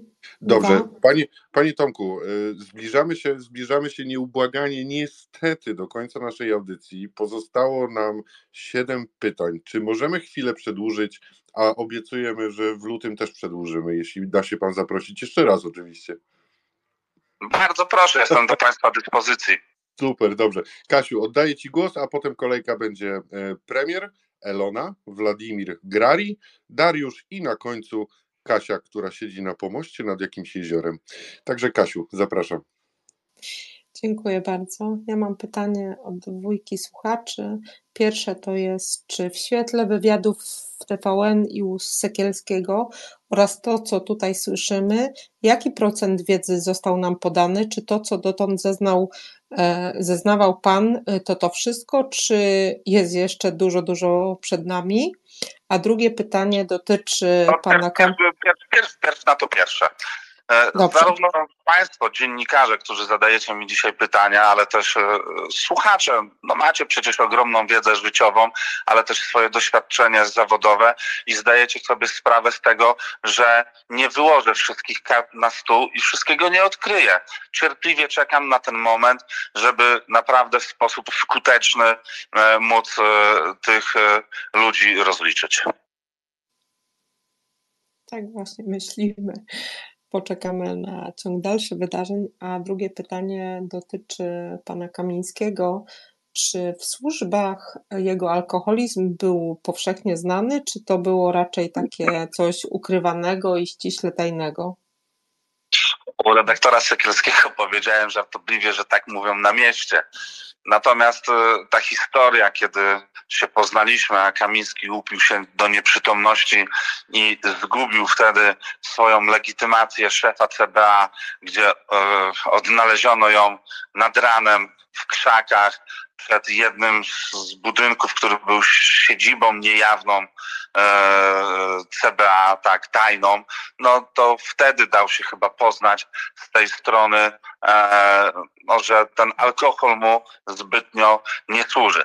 Ale co chciałem e, Państwu powiedzieć, że ten alkohol też był pretekstem do tej indoktrynacji ludzi, którzy pracowali w CBA, bo to wtedy śpiewano pieśni patriotyczne, bo to wtedy przywoływano żołnierzy wyklętych i wmawiano, że te elitarne środowisko CBA, jakim są funkcjonariusze pod rządami Kamińskiego i Wąsika, byli właśnie porównywani do legionów Piłsudskiego czy e, właśnie e, żołnierzy wyklętych i, i rzeczywiście no, dali się co po niektórzy omamić e, i ogłupić, bije się w piersi. Również byłem w tym szeregu, który w to uwierzył. Dzięki panie Tomaszu. E, to teraz premier, zapraszam. Dobry wieczór wszystkim. Panie Tomaszu, mam jedno krótkie pytanie. E, Wąsik i Kamiński właśnie w tej chwili na oczach całej Polski wyłgali się z afery gruntowej pod ochroną prezydenta Rzeczypospolitej. I w związku z tym pytanie do pana, czy może pan w jakiś sposób przyspieszyć bądź ujawnić bądź ukierunkować poszukiwania a propos pana zeznań w Olsztynie, jakie jeszcze e, przekroczenie prawa Wąsika i Kamińskiego powinno być ścigane prawnie. Krótko mówiąc, żeby pana zeznanie w Olsztynie nie leżało kolejne miesiące czy lata, e, gdzie opinia publiczna powinna szukać kolejnych e, tropów przekroczenia prawa. Dziękuję.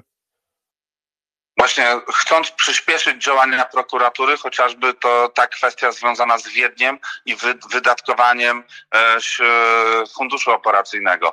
Tak, to jest chociażby ta kwestia, e, o której prokuratura powinna wiedzieć, powinna się tym zająć e, i powinna to rozliczyć. No, ja nie ukrywam, współpracuję z mecenasami, z, z panem mecenasem Arkadiuszem Basiakiem, e, który, e, który będzie mnie w tych sprawach wszystkich e, reprezentował i reprezentuje. I obraliśmy tutaj no, pewnego rodzaju taktykę dawkowania tej, tej wiedzy. Ja się przede wszystkim bardzo cieszę, że powstał zespół pod nadzorem pana Giertycha, który ma rozpracowywać czy, czy, czy pracować w tym kierunku, żeby rozliczyć całe złodziejstwo PiSu czy nieprawidłowości. E, może kiedyś przyjdzie okazja, abyśmy się spotkali porozmawiali i wymienili się swoimi doświadczeniami i, i, i spostrzeżeniami, bo uważam, że e, tych nieprawidłowości w PiSie jest tak wiele, że panu mecenasowi Giertychowi może prawników zabraknąć e, w zespole, żeby tym wszystkim się, e, tym wszystkim się zająć. Dzięki, dzięki. To teraz tak. Czy ja mogę? A, Czy tak, ja mogę jeszcze wcześniej? Sofię od słuchaczy, tak, tak, zapraszam. Tak, ja mam, ja mam dwa pytania od słuchaczy z poprzedniej audycji i połączę od razu z e, pytaniem aktualnym, a mianowicie pytanie aktualne, z aktualnej to było, e, czy Pana zdaniem e, prezydent Duda również był podsłuchiwany e, Pegasusem? E, I czy Pana zdaniem PiS powinien być zdelegalizowany, a Duda w jakiś sposób odwołany ze stanowiska?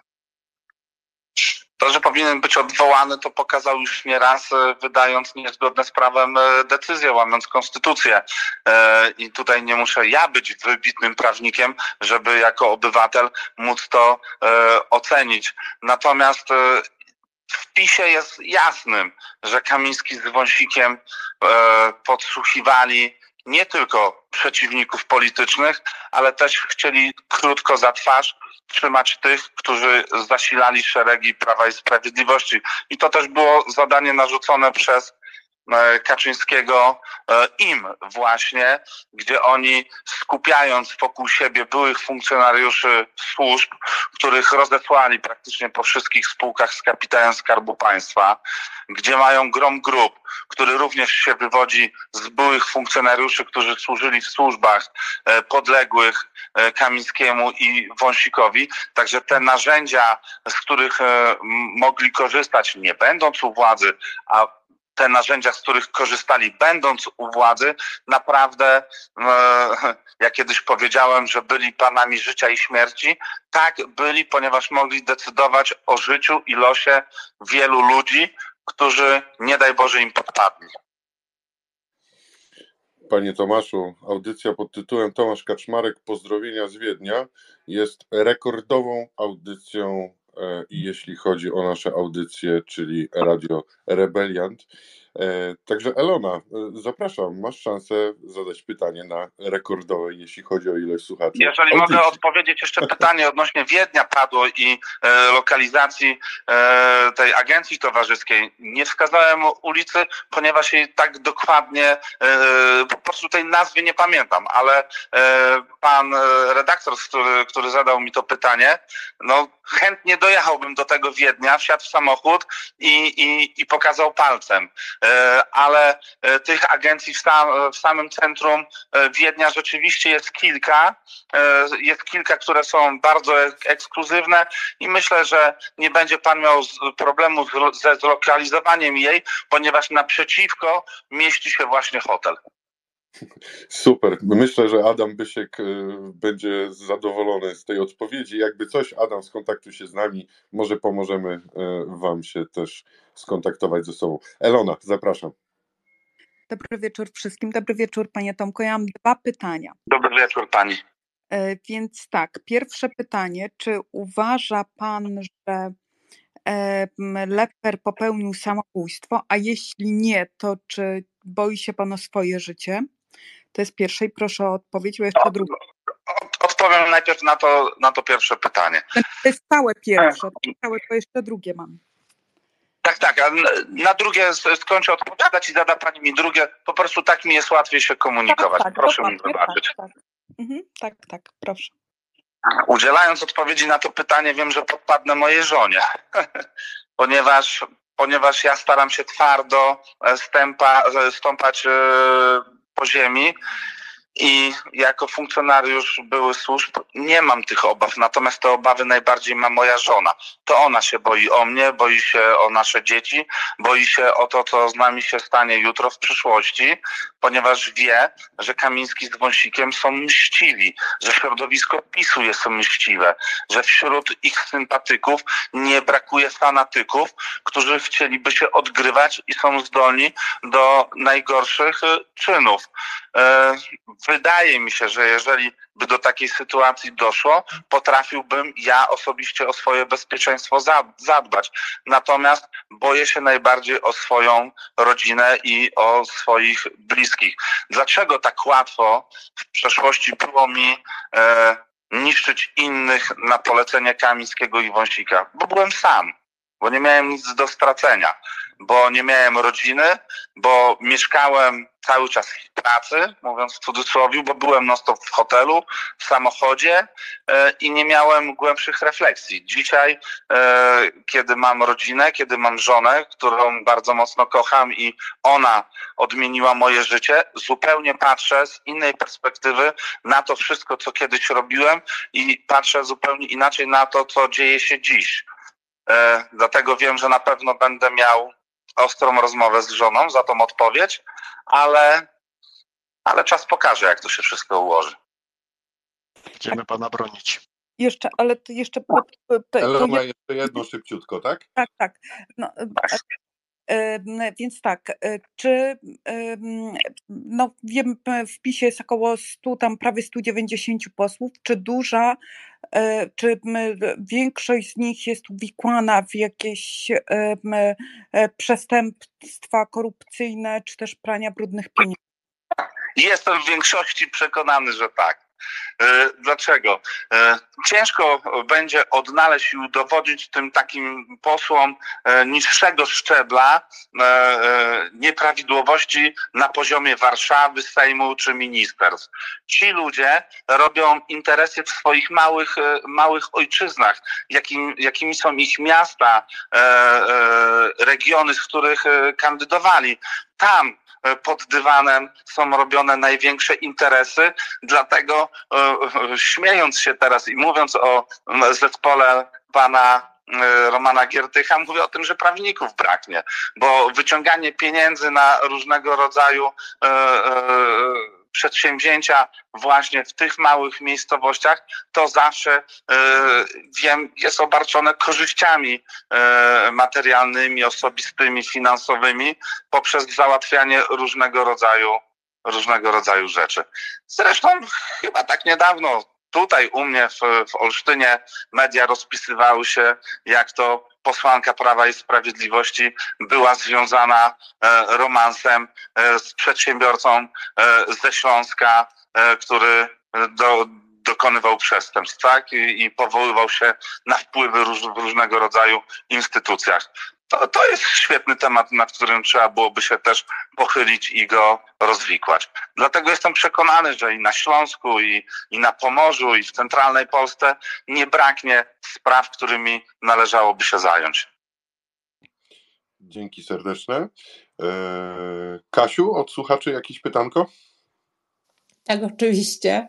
E, czy pokusi się Pan e, o wróżenie e, z szklanej kuli, gdzie jest teraz Ziobro i czy jest dobrze pilnowany przez służby? A drugie to jest, czy, czy wiadomo już coś w temacie, jak daleko, jak daleko zajdzie, jak daleko umoczony, za przeproszeniem, umoczeni byli politycy PiSu, e, znaczy się inaczej. Czy e, prawdą jest, że im bardziej umoczony polityk, tym wyżej zachodził w PiS? Bardzo dobre pytanie. Natomiast odpowiem pierwszy na temat Zbigniewa Ziobry. No, jest mistrzem uważam, ponieważ po e, przegranych wyborach zniknął, nigdzie go nie ma.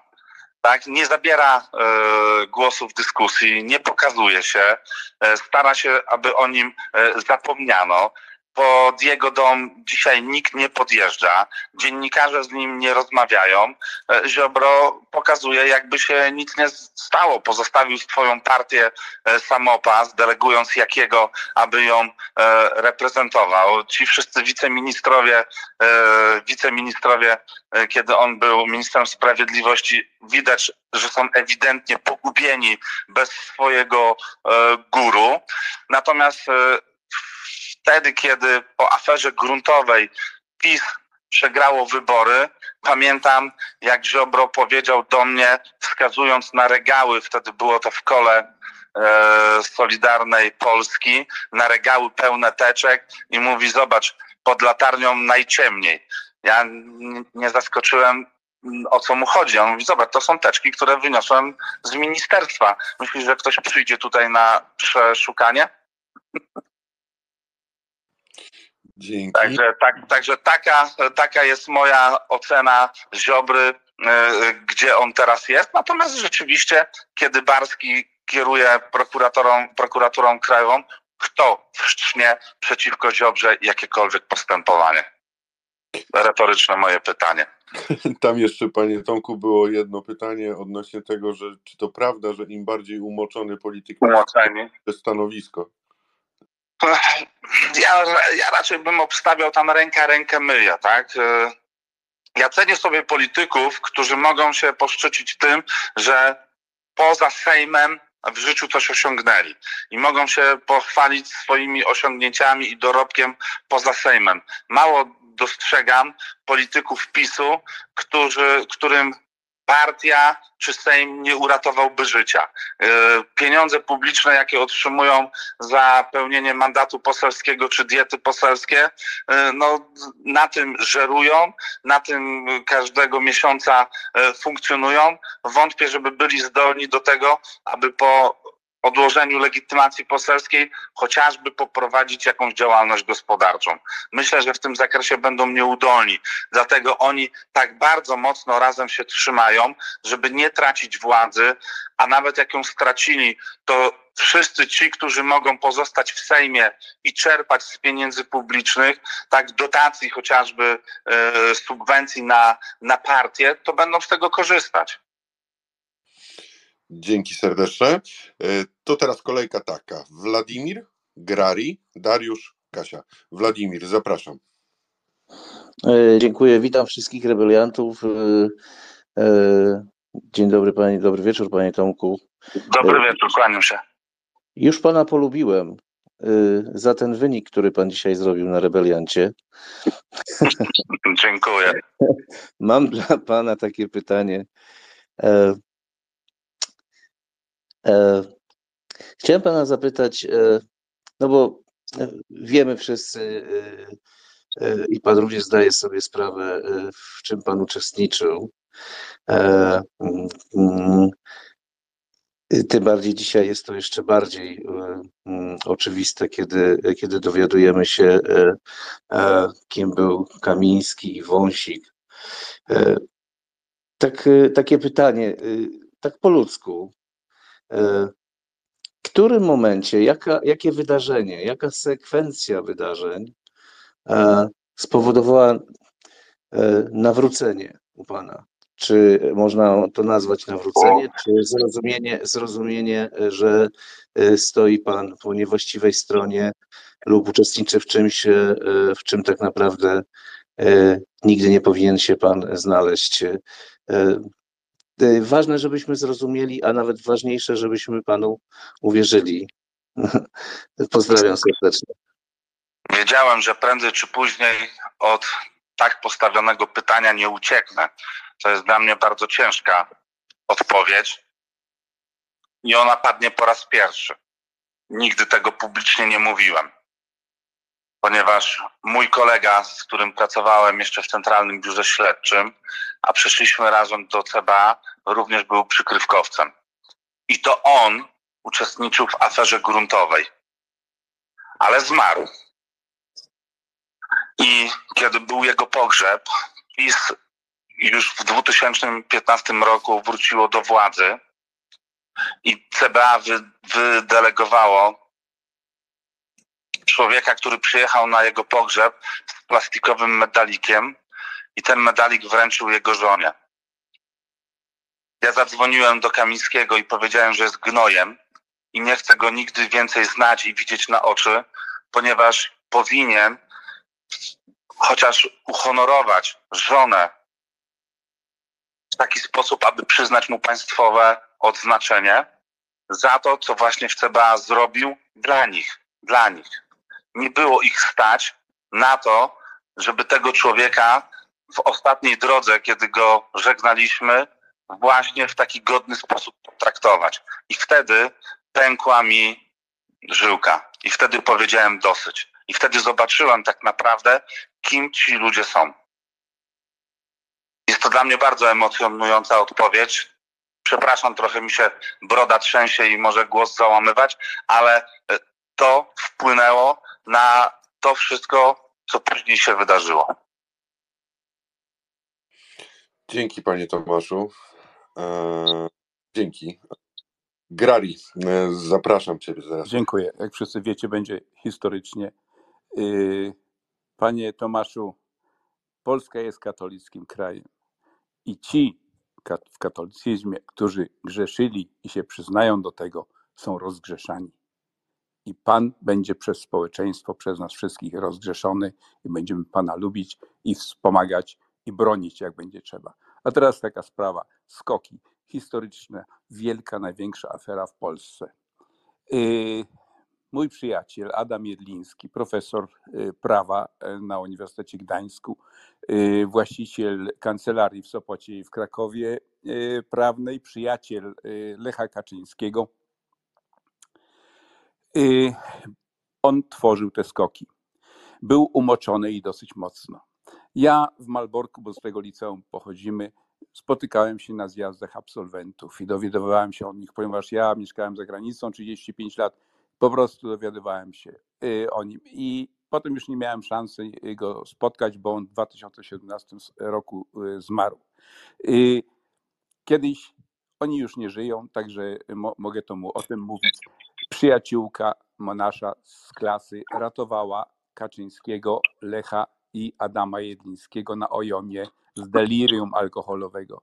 Następnego dnia, jak już tam parę y, dni później, y, Adam zaczął się zwierzać, że ma zaproszenie na, przesłuch, na przesłuchiwanie w sprawie skoków.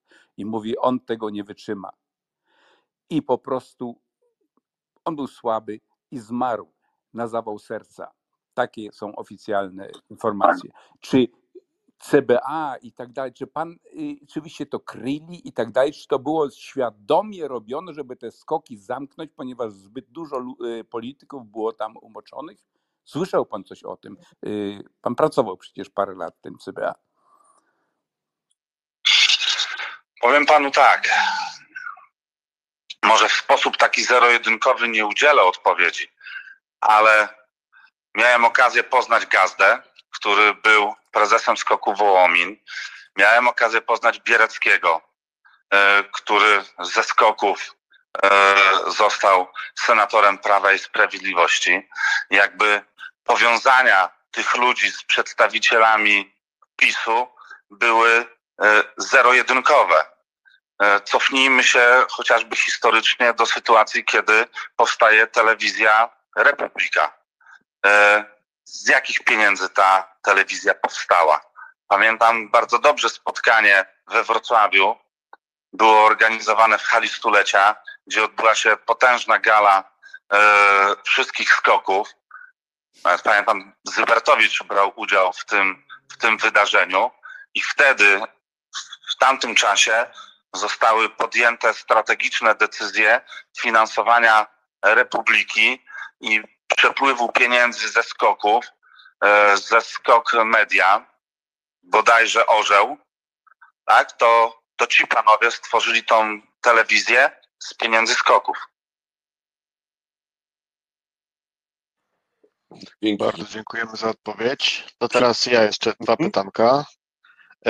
Jedno, nie wiem czy będzie krótkie czy nie, od Madzi mojej, a mianowicie to, właściwie to tak powiązane trochę, kilka tematów, bo mówił pan, że gdyby pan Kamiński był jeszcze u władzy, to by panu parkiet z domu zdarł. Z drugiej strony było pytanie o, o to, czy czuje się pan zagrożony. Czy sądzi pan, że Kamiński myśli, że ma pan jakieś kwity i gdyby, gdyby PiS rządził dalszy, no dalej, to faktycznie by panu mogło rzeczywiście coś grozić, biorąc pod... Czy, czy w ogóle by się pan na przykład pan nie ujawnił? I jeszcze jedno pytanie. Na pewno, na pewno bym czekał do tego momentu, żeby w sposób bezpieczny móc powiedzieć o, o tym, o czym mówię dzisiaj, bo, bo naprawdę no, tematy, które poruszamy chociażby tutaj w, w rozmowie z, z Państwem, są tak dla nich bolesne i nigdy wcześniej nikt w sposób otwarty o tym nie mówił, że gdyby mieli pod sobą policję, to ona o 6 rano byłaby u mnie w domu po tej audycji. Kamiński, Kamiński coś tam myśli, że pan ma na niego gdzieś w domu i, i, i mógłby panu zagrozić. A jeszcze Wręcz pan... jestem przekonany, że jest taki tok myślenia. Dziś tych narzędzi i tej władzy nie mają. Dlatego pewnie o 6 rano nie będę musiał się zrywać z łóżka, a, ale, ale na pewno ta moja walka i batalia z nimi łatwa, łatwa i przyjemna nie będzie, ale ja też nie szykuję się na łatwą i przyjemną walkę. Na pewno wyciągnę asy z rękawa jeszcze nie raz. No myślę, że, że gdyby pan był tchórzliwy, to by pan się przede wszystkim też nie, nie przyznał, no bo jednak, tak jak pan powiedział, nie była to łatwa sprawa. A jeszcze pytanie takie, bo cały czas mówimy o CBA, no ale pod Mariuszem Kamińskim było na przykład ABW. Mieliśmy sprawę respiratorów, zakupu maseczek i tak dalej. Czy sądzi pan, że w ABW również mogły być tego typu na przykład nieprawidłowości finansowe, jak w przypadku CBA? No, panie redaktorze, nie mam wątpliwości, przecież szefem ABW była, był jeden z, z, z jego ludzi, no, bardzo zaufany, który tą, tą, tą służbą kierował, tak? No później rozprzestrzeniono tam, czy rozsadzono na stołkach swoich ludzi, także no to ABW, czy inne służby, no mamy przecież wywiad cywilny, już, już nie mówię o tym, że Kamiński nigdy nie mógł przeżyć, że Macierewicz ma kontrolę nad służbami wojskowymi, tak? Przecież, przecież dobrze pamiętamy, jak odwołał Bączka ze stanowiska szefa służby kontrwywiadu wojskowego i dali tam swojego człowieka. Bardzo dziękuję za odpowiedź. No to w takim razie Kasia tu podnosi rączkę, więc pewnie pytanie spod pokoju. Kasiu? Dziękuję bardzo. Oczywiście, że spod pokoju. Czy to, jak szybko Duda ułaskawił Kamińskiego i Wąsika, nie ma trochę wpływu na to, że PiS obawia się, że Kamiński i Wąsik mogą się złamać i sypać w przyszłości? I czy Wąsik... Nie, bo oni nigdy by nie otrzymali statusu świadków koronnych, także tutaj ten, ten scenariusz totalnie, totalnie odpada. Ja myślę, że PiS, sam PiS nawet może by i chciał, żeby Kamiński z Wąsikiem dłużej posiedzieli za kratami, bo wtedy byłby ten kult bohaterów. Tak jak odbywały się miesięcznice pod Pałacem Prezydenckim, tak chodziliby pod areszty. No mieliby cel. Gdzie dziś będą chodzić? No trochę miejsca im zbrakło do chodzenia. Sam pielgrzymkowałem w tych marszach. Wiem, jak, jaka była indoktrynacja w kierunku społeczeństwa i pranie mózgów. Także no, im byłoby to na, na rękę rękę. No, także także w, wydaje mi się, że, że gdzieś jest jakieś jeszcze drugie dno, że Kamiński z Wąsikiem tak szybko opuścili areszt. Bardzo dziękujemy za odpowiedź. To jeszcze, jeżeli Panie Tomaszu możemy, to trzy głosy, bo jest jeszcze Dariusz, Kasia i Radek. Damy radę? Bardzo proszę. Tak? Dariusz, zapraszam. Dobry wieczór Państwu, dobry wieczór Panu. Mam takie Dobry pytanie. Wieczór. Powiedział Pan, że mm, należałoby odpolitycznić prokuraturę. To jest moje pierwsze pytanie. Co Pan przez to rozumie? rozumiem to w taki sposób, że należy odwołać z, z kluczowych stanowisk tych ludzi, którzy są ewidentnie przedstawicielami PiSu, tak jak Barski i jego ludzie, y, którzy w tej prokuraturze piastują najistotniejsze y, stanowiska. Dziś y, te stanowiska powinni piastować ludzie, którzy są niezależni, którzy będą w sposób obiektywny podchodzić do stosowania obowiązujących przepisów prawa, ponieważ w tak newralgicznej sprawie złożenia zawiadomienia przeze mnie w 2019 roku o tym, że fałszowano w sprawie kwa, e, Kwaśniewskich dokumenty, nic nie zrobiono. Prokuratorka e, szefowa Wydziału Prokuratury Regionalnej w Katowicach, szanowni państwo, krzyczała na mnie wydzierała się na pół korytarza, żebym nie mówił o rzeczach, y, które obciążają Kamińskiego i Wąsika i nie chciała protokołować tego. To ja poprzez swoją y, taką bardzo twardą postawę y, konsekwentnie domagałem się tego, aby jednak to, o czym mówię, znalazło odzwierciedlenie w tych protokołach. Ja się z czymś takim nie spotykałem. Najdłużej byłem 18 godzin przesłuchiwany przez prokuratora w sprawie kryminalnej handlu narkotykami i czurkiem 18 godzin był spo, sporządzony, to jest mój rekord, był sporządzony protokół i wtedy handlarze narkotyków rzeczywiście poszli siedzieć, ale nie spotkałem się, żeby e, prokurator wydzierał się na świadka. To było dla mnie czymś, czymś nowym i z tym się zetknąłem w prokuraturze regionalnej w Katowicach, gdzie potocznie się mówi, że nad nią łapę trzyma Święczkowski. Tak jak nad prokuraturą w Białym Stoku trzyma Kamiński z Wąsikiem. Mam jeszcze drugie pytanie w takim razie. Powiedział Pan, że nie zdecydował się Pan jakby powiedzieć nie wcześniej, a zrobił to Pan wtedy, kiedy dopiero była kwestia Pani Kwaśniewskiej czy Państwa Kwaśniewskich. Proszę mi powiedzieć, dlaczego nie, nie, nie zdecydował się Pan tego zrobić wcześniej? Bo się bałem. Nie, dziś no, nie jest wstyd przyznać się do tego, że, że bałem się, że y, po prostu no, zostanę w, zniszczony. Oni mnie w ten sposób szantażowali. Tak, no, tak jak y, pan y, poseł Wypi ostatnio na komisji śledczej odnośnie wyborów kopertowych powiedział o Kamińskim, który mu powiedział, że, że, że powinni być za to rozliczeni, zniszczeni i tak dalej. To jest metoda funkcjonowania tych ludzi. Mhm. A mam jeszcze zapytać trzecie pytanie, może to będzie no, niezbyt łatwe. E, I, I ostatnie, już krótkie. E, powiedział Pan, że był Pan trenowany w tym, by odgrywać różne role społeczne w różnych sytuacjach. I teraz moje pytanie jest, e, no proszę powiedzieć w takim razie, skoro no, jest Pan ekspertem jakby w odgrywaniu różnych ról, czy, mm, czy w jaki sposób można, że tak powiem, odpowiedzieć sobie na pytanie, czy można Panu wierzyć? Czy to, co Pan mówi, i czy pan, to, to, co pan robi, nie wynika jakby z pana sytuacji procesowej? Dziękuję bardzo. Przede wszystkim trzeba podkreślić, że no, kwestia stowarzyszenia Helper e, wynikła wtedy, kiedy ja powiedziałem nie. I to wtedy rozpętano tą sprawę, e, zaczęto stawiać zarzuty i zostałem też e, zatrzymany. Ale oddzielam tą sprawę totalnie od tego, o czym mówię dziś, ponieważ tak jak powiedziałem z mecenasem Arkadiuszem Basiakiem, my będziemy na sali sądowej e, obalać e, te wszystkie nieprawdziwe tezy dotyczące mnie w tym postępowaniu i to, że wychodzi syn Kamińskiego czy inni przedstawiciele PiSu i mówią o tym, że ja mam e, postawione zarzuty w helperze, jakie to ma kompletnie znaczenie z tym, o czym mówię dzisiaj. To, że chcę zostać świadkiem koronnym, nie zwalnia mnie z tego, że w tamtym e, procesie tego statusu po prostu mieć nie będę. I to nie ma kompletnie żadnego wpływu. E, ja nie oczekuję, że państwo dzisiaj gremialnie tak jak powiedział to premier Donald Tusk, że nie będzie wystawiał mi laurki prawdomówności. Ja no, nie oczekuję od państwa, że dzisiaj e, po tym, co ja mówię, powiecie, ojejku, agent Tomek rzeczywiście super prawdę mówi. Nie.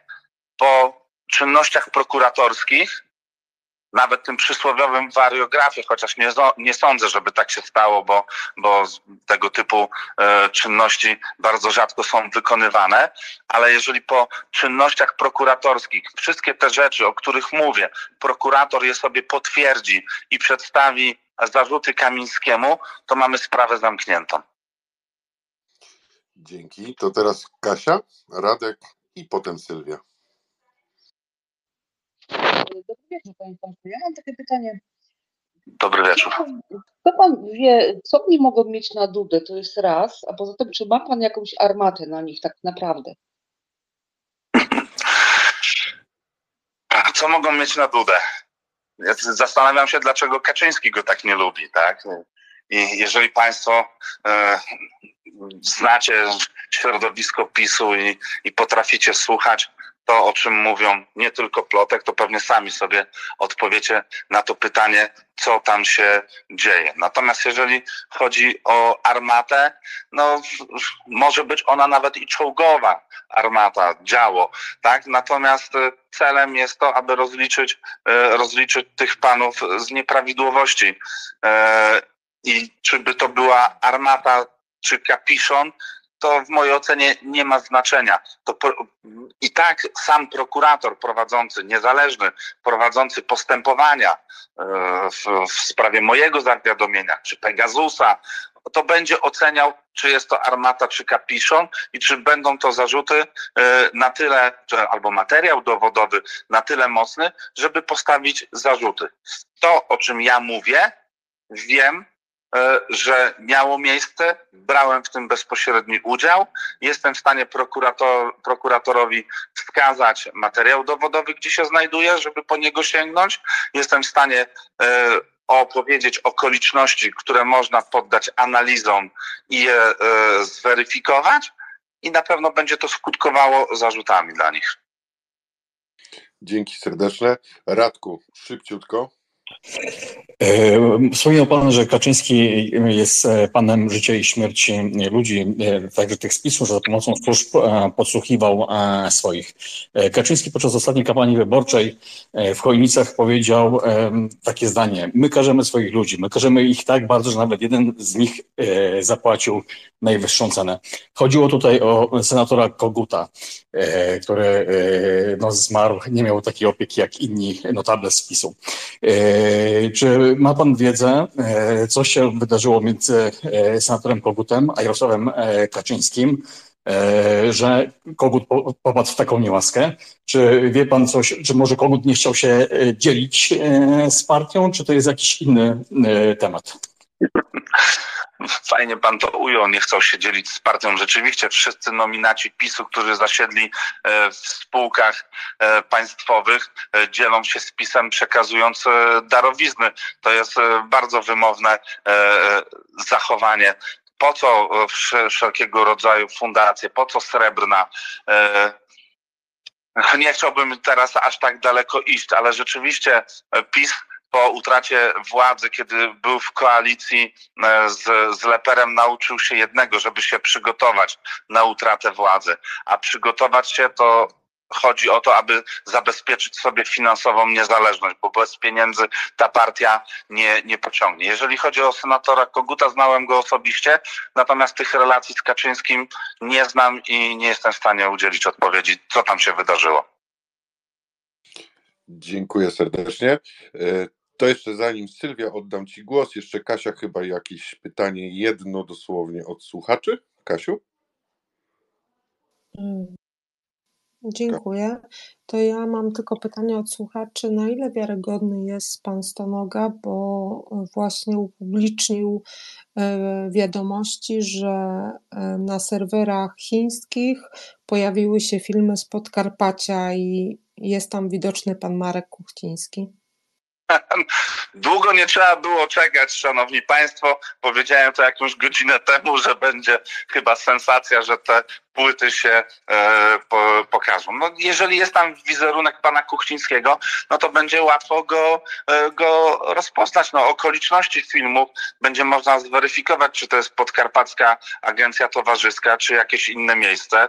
No, myślę, że tu jest też ogromne pole do popisu dla państwa e, dziennikarzy, aby, aby to, to prze, prześledzić. Natomiast no, nie chciałbym może aż tak głęboko i, i, i w prywatne moje życie wchodzić, ale jeden z moich przyjaciół e, też e, zna pana Stonogę, ma o nim bardzo dobre zdanie. To, że jest tak bezpośredni w swoich wypowiedziach i, i, i atakuje tutaj, czy rozlicza, może atakuje to złe słowo, ale rozlicza Zbigniewa Ziobrę, no ma ku temu powody, ale też wiem o tym, że pan Stonoga potrafi e, wspierać osoby potrzebujące, bo też byłem świadkiem, kiedy pomógł e, człowiekowi po wypadku, e, sfinansował jego leczenie i terapię, co jest bardzo chwalebnym czynem. Dziękuję bardzo, panie Tomaszu. Oddaję głos naszej szefowej w tym momencie, także to oznacza, że zbliżamy się ku końcowi. Tak, dobry wieczór. Panie Tomku, ja mam jedno takie pytanie e, na zakończenie. Czy Pan kiedyś brał udział w takiej dyskusji, gdzie każdy, dosłownie, oczywiście w miarę możliwości czasowych, mógł Panu zadać pytanie? Nie, to było moje pierwsze doświadczenie e, w tego rodzaju e, rozmowie. Rzeczywiście pytania, które były mi zadawane, nie należały do pytań e, łatwych, ale też nie oczekiwałem, że biorąc udział e, w Państwa programie, w, tej dyskusji, że będę traktowany w jakiś sposób wyjątkowy. Rzeczywiście jestem osobą która może u niektórych wzbudzać różnego rodzaju kontrowersje. E, możecie Państwo zadawać sobie pytanie, czy jestem wiarygodny, czy też nie. Z tym się liczę. E, natomiast mam nadzieję, że ta rozmowa ponad półtora, półtora godziny, no, dała też możliwość przybliżenia mojej osoby, że poznaliście mnie trochę z innej strony niż dotychczas. To ja tak na koniec powiem kilka rzeczy. Po pierwsze, e, zanim panu podziękuję, to powiem o kilku rekordach. Po raz pierwszy, słuchajcie, słuchali nas mm, na żywo pan Krzysztof Luft, pan Janusz Kaczmarek, pani Blanka Mikołajewska, pan Wojtek Zawioła, pan y, Witold Zemaczyński, pan Krzysztof Kwiatkowski, pan Robert Kwiatkowski, a SMS-y jeszcze przychodziły od polityków, których nie mogę zdradzić od dziennikarzy. Mało tego, już sędziowie między innymi sędzia Żurek, który będzie jutro, prosił o linka do tej audycji. To raz. Dwa, na pewno pobiliśmy rekord, odkąd istnieje 19 miesięcy Radio Rebeliant, to takiej słuchalności nie mieliśmy. Po trzecie, ilość komentarzy pod audycją rekordowa. Po czwarte, teraz tak troszkę panu pokadzę, panie mm, Tomku, bo o ile zapraszając pana i, i mm, powiem wam, wam tak z ciekawości, taką ciekawostkę, że jak skontaktowałem się z panem Tomkiem, i powiedziałam, że najbliższy termin jest za dwa tygodnie, bo tak mamy ustalony kalendarz, no trochę się zmartwiłam, że ten temat jest teraz potrzebny i zaproponowałam, że mamy też audycję o 21, czy by się zgodził. Pan Tomasz wczoraj mi powiedział, no dobrze, to jutro. Mało tego, jak powiedziałam, że konwencja naszej audycji jest taka, że jedna trzecia prowadzący, dwie trzecie słuchacze, to pan Tomasz powiedział fantastycznie, bardzo się cieszę. A teraz trochę pokażę. Panie Tomku, jak czytamy te komentarze pod audycją, to chyba od miłości do, od nienawiści do miłości jest bardzo mm, krótka droga, bo zrobił Pan piekielnie dobre wrażenie na słuchaczach. Bardzo wszystkim dziękuję za zwięzłe pytania, bo ilość e, pytań też rekordowa. No i od razu się muszę uśmiechnąć. Jeżeli Pan się zgodzi przyjąć nasze zaproszenie, nie wiem, w lutym, w marcu, to będziemy zaszczyceni, bo i to nie dla zasięgów, ale dlatego, że świetnie się Pana słucha, nawet na redakcji piszemy sobie na grupie, że chyba najlepsza audycja, bo bardzo zwięzłe pytania, bardzo jasne, przejrzyste dla nas odpowiedzi, a to cenimy chyba najbardziej w tych audycjach. Także ja w swoim imieniu i w imieniu słuchaczy bardzo serdecznie dziękuję, że się Pan zgodził. Mamy nadzieję, że się Panu u nas podobało, że taka forma bardzo, rozmowy jest bardzo, potrzebna. Ja bardzo dziękuję wszystkim dziennikarzom, bardzo Pani dziękuję. Dziękuję wszystkim słuchaczom, którzy zadawali mi pytania, ale też dziękuję tym wszystkim, którzy słuchali e, tej audycji, którzy słuchali tej, tej rozmowy. E, politycy, e, którzy też e, mieli okazję posłuchać tego, co, co mówię, nie bójcie się, rozliczcie tą byłą władzę.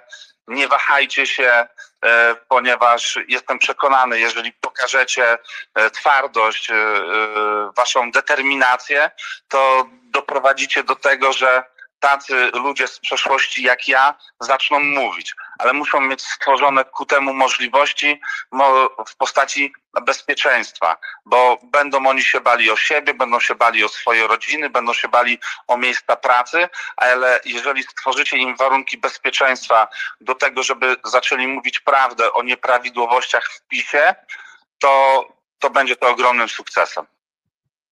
A ja jeszcze dodam na koniec, że pan Paweł Graś, e, bardzo często to zresztą podkreślamy, że nagrał e, u nas rozmowę i powiedział, że gdyby nie Radio Rebeliant, ale oczywiście w szeroko pojętej społeczności twitterowej, to możliwe, że ta bańka, że, że, że tych wyborów opozycja by nie wygrała, więc mam nadzieję, że ta rozmowa panu pomoże i udowodni, że tutaj na, na tym Twitterze są ludzie, którzy panu bardzo dobrze życzą i, i naprawdę jeszcze raz się u nas pan pojawi, bo pytań do pana E, liczba nieskończona. Także bardzo jeszcze raz dziękuję, oddaję go prowadzącym. Dobrze, Krzysztofie, Krzysztofie i ja zakończę później po tobie. E, to tak, po pierwsze e, bardzo dziękuję za, za udział, za przyjęcie naszego zaproszenia. Dziękuję wszystkim za uczestnictwo i tym, którzy zadawali pytania i tym, którzy tylko słuchali.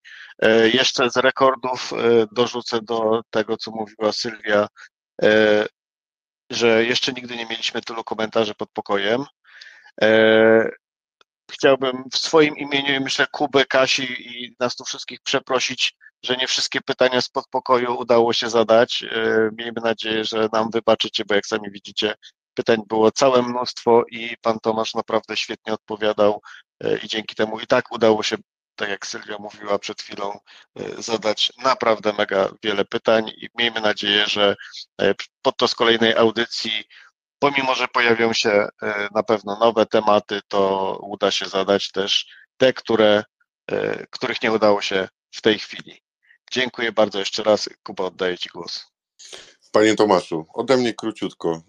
Proszę się nie dać i proszę dbać o rodzinę. Rebeliantki, rebelianci, ja Wam bardzo dziękuję za dzisiejszą audycję. Przepraszamy jeszcze raz tych, którzy nagle, nawet teraz trzymają jeszcze e, prośbę o głos. Także Panie Tomaszu, dobrej nocy życzę, miłego dnia jutro i, i będzie dobrze, tak myślę. Pozdrawiam serdecznie.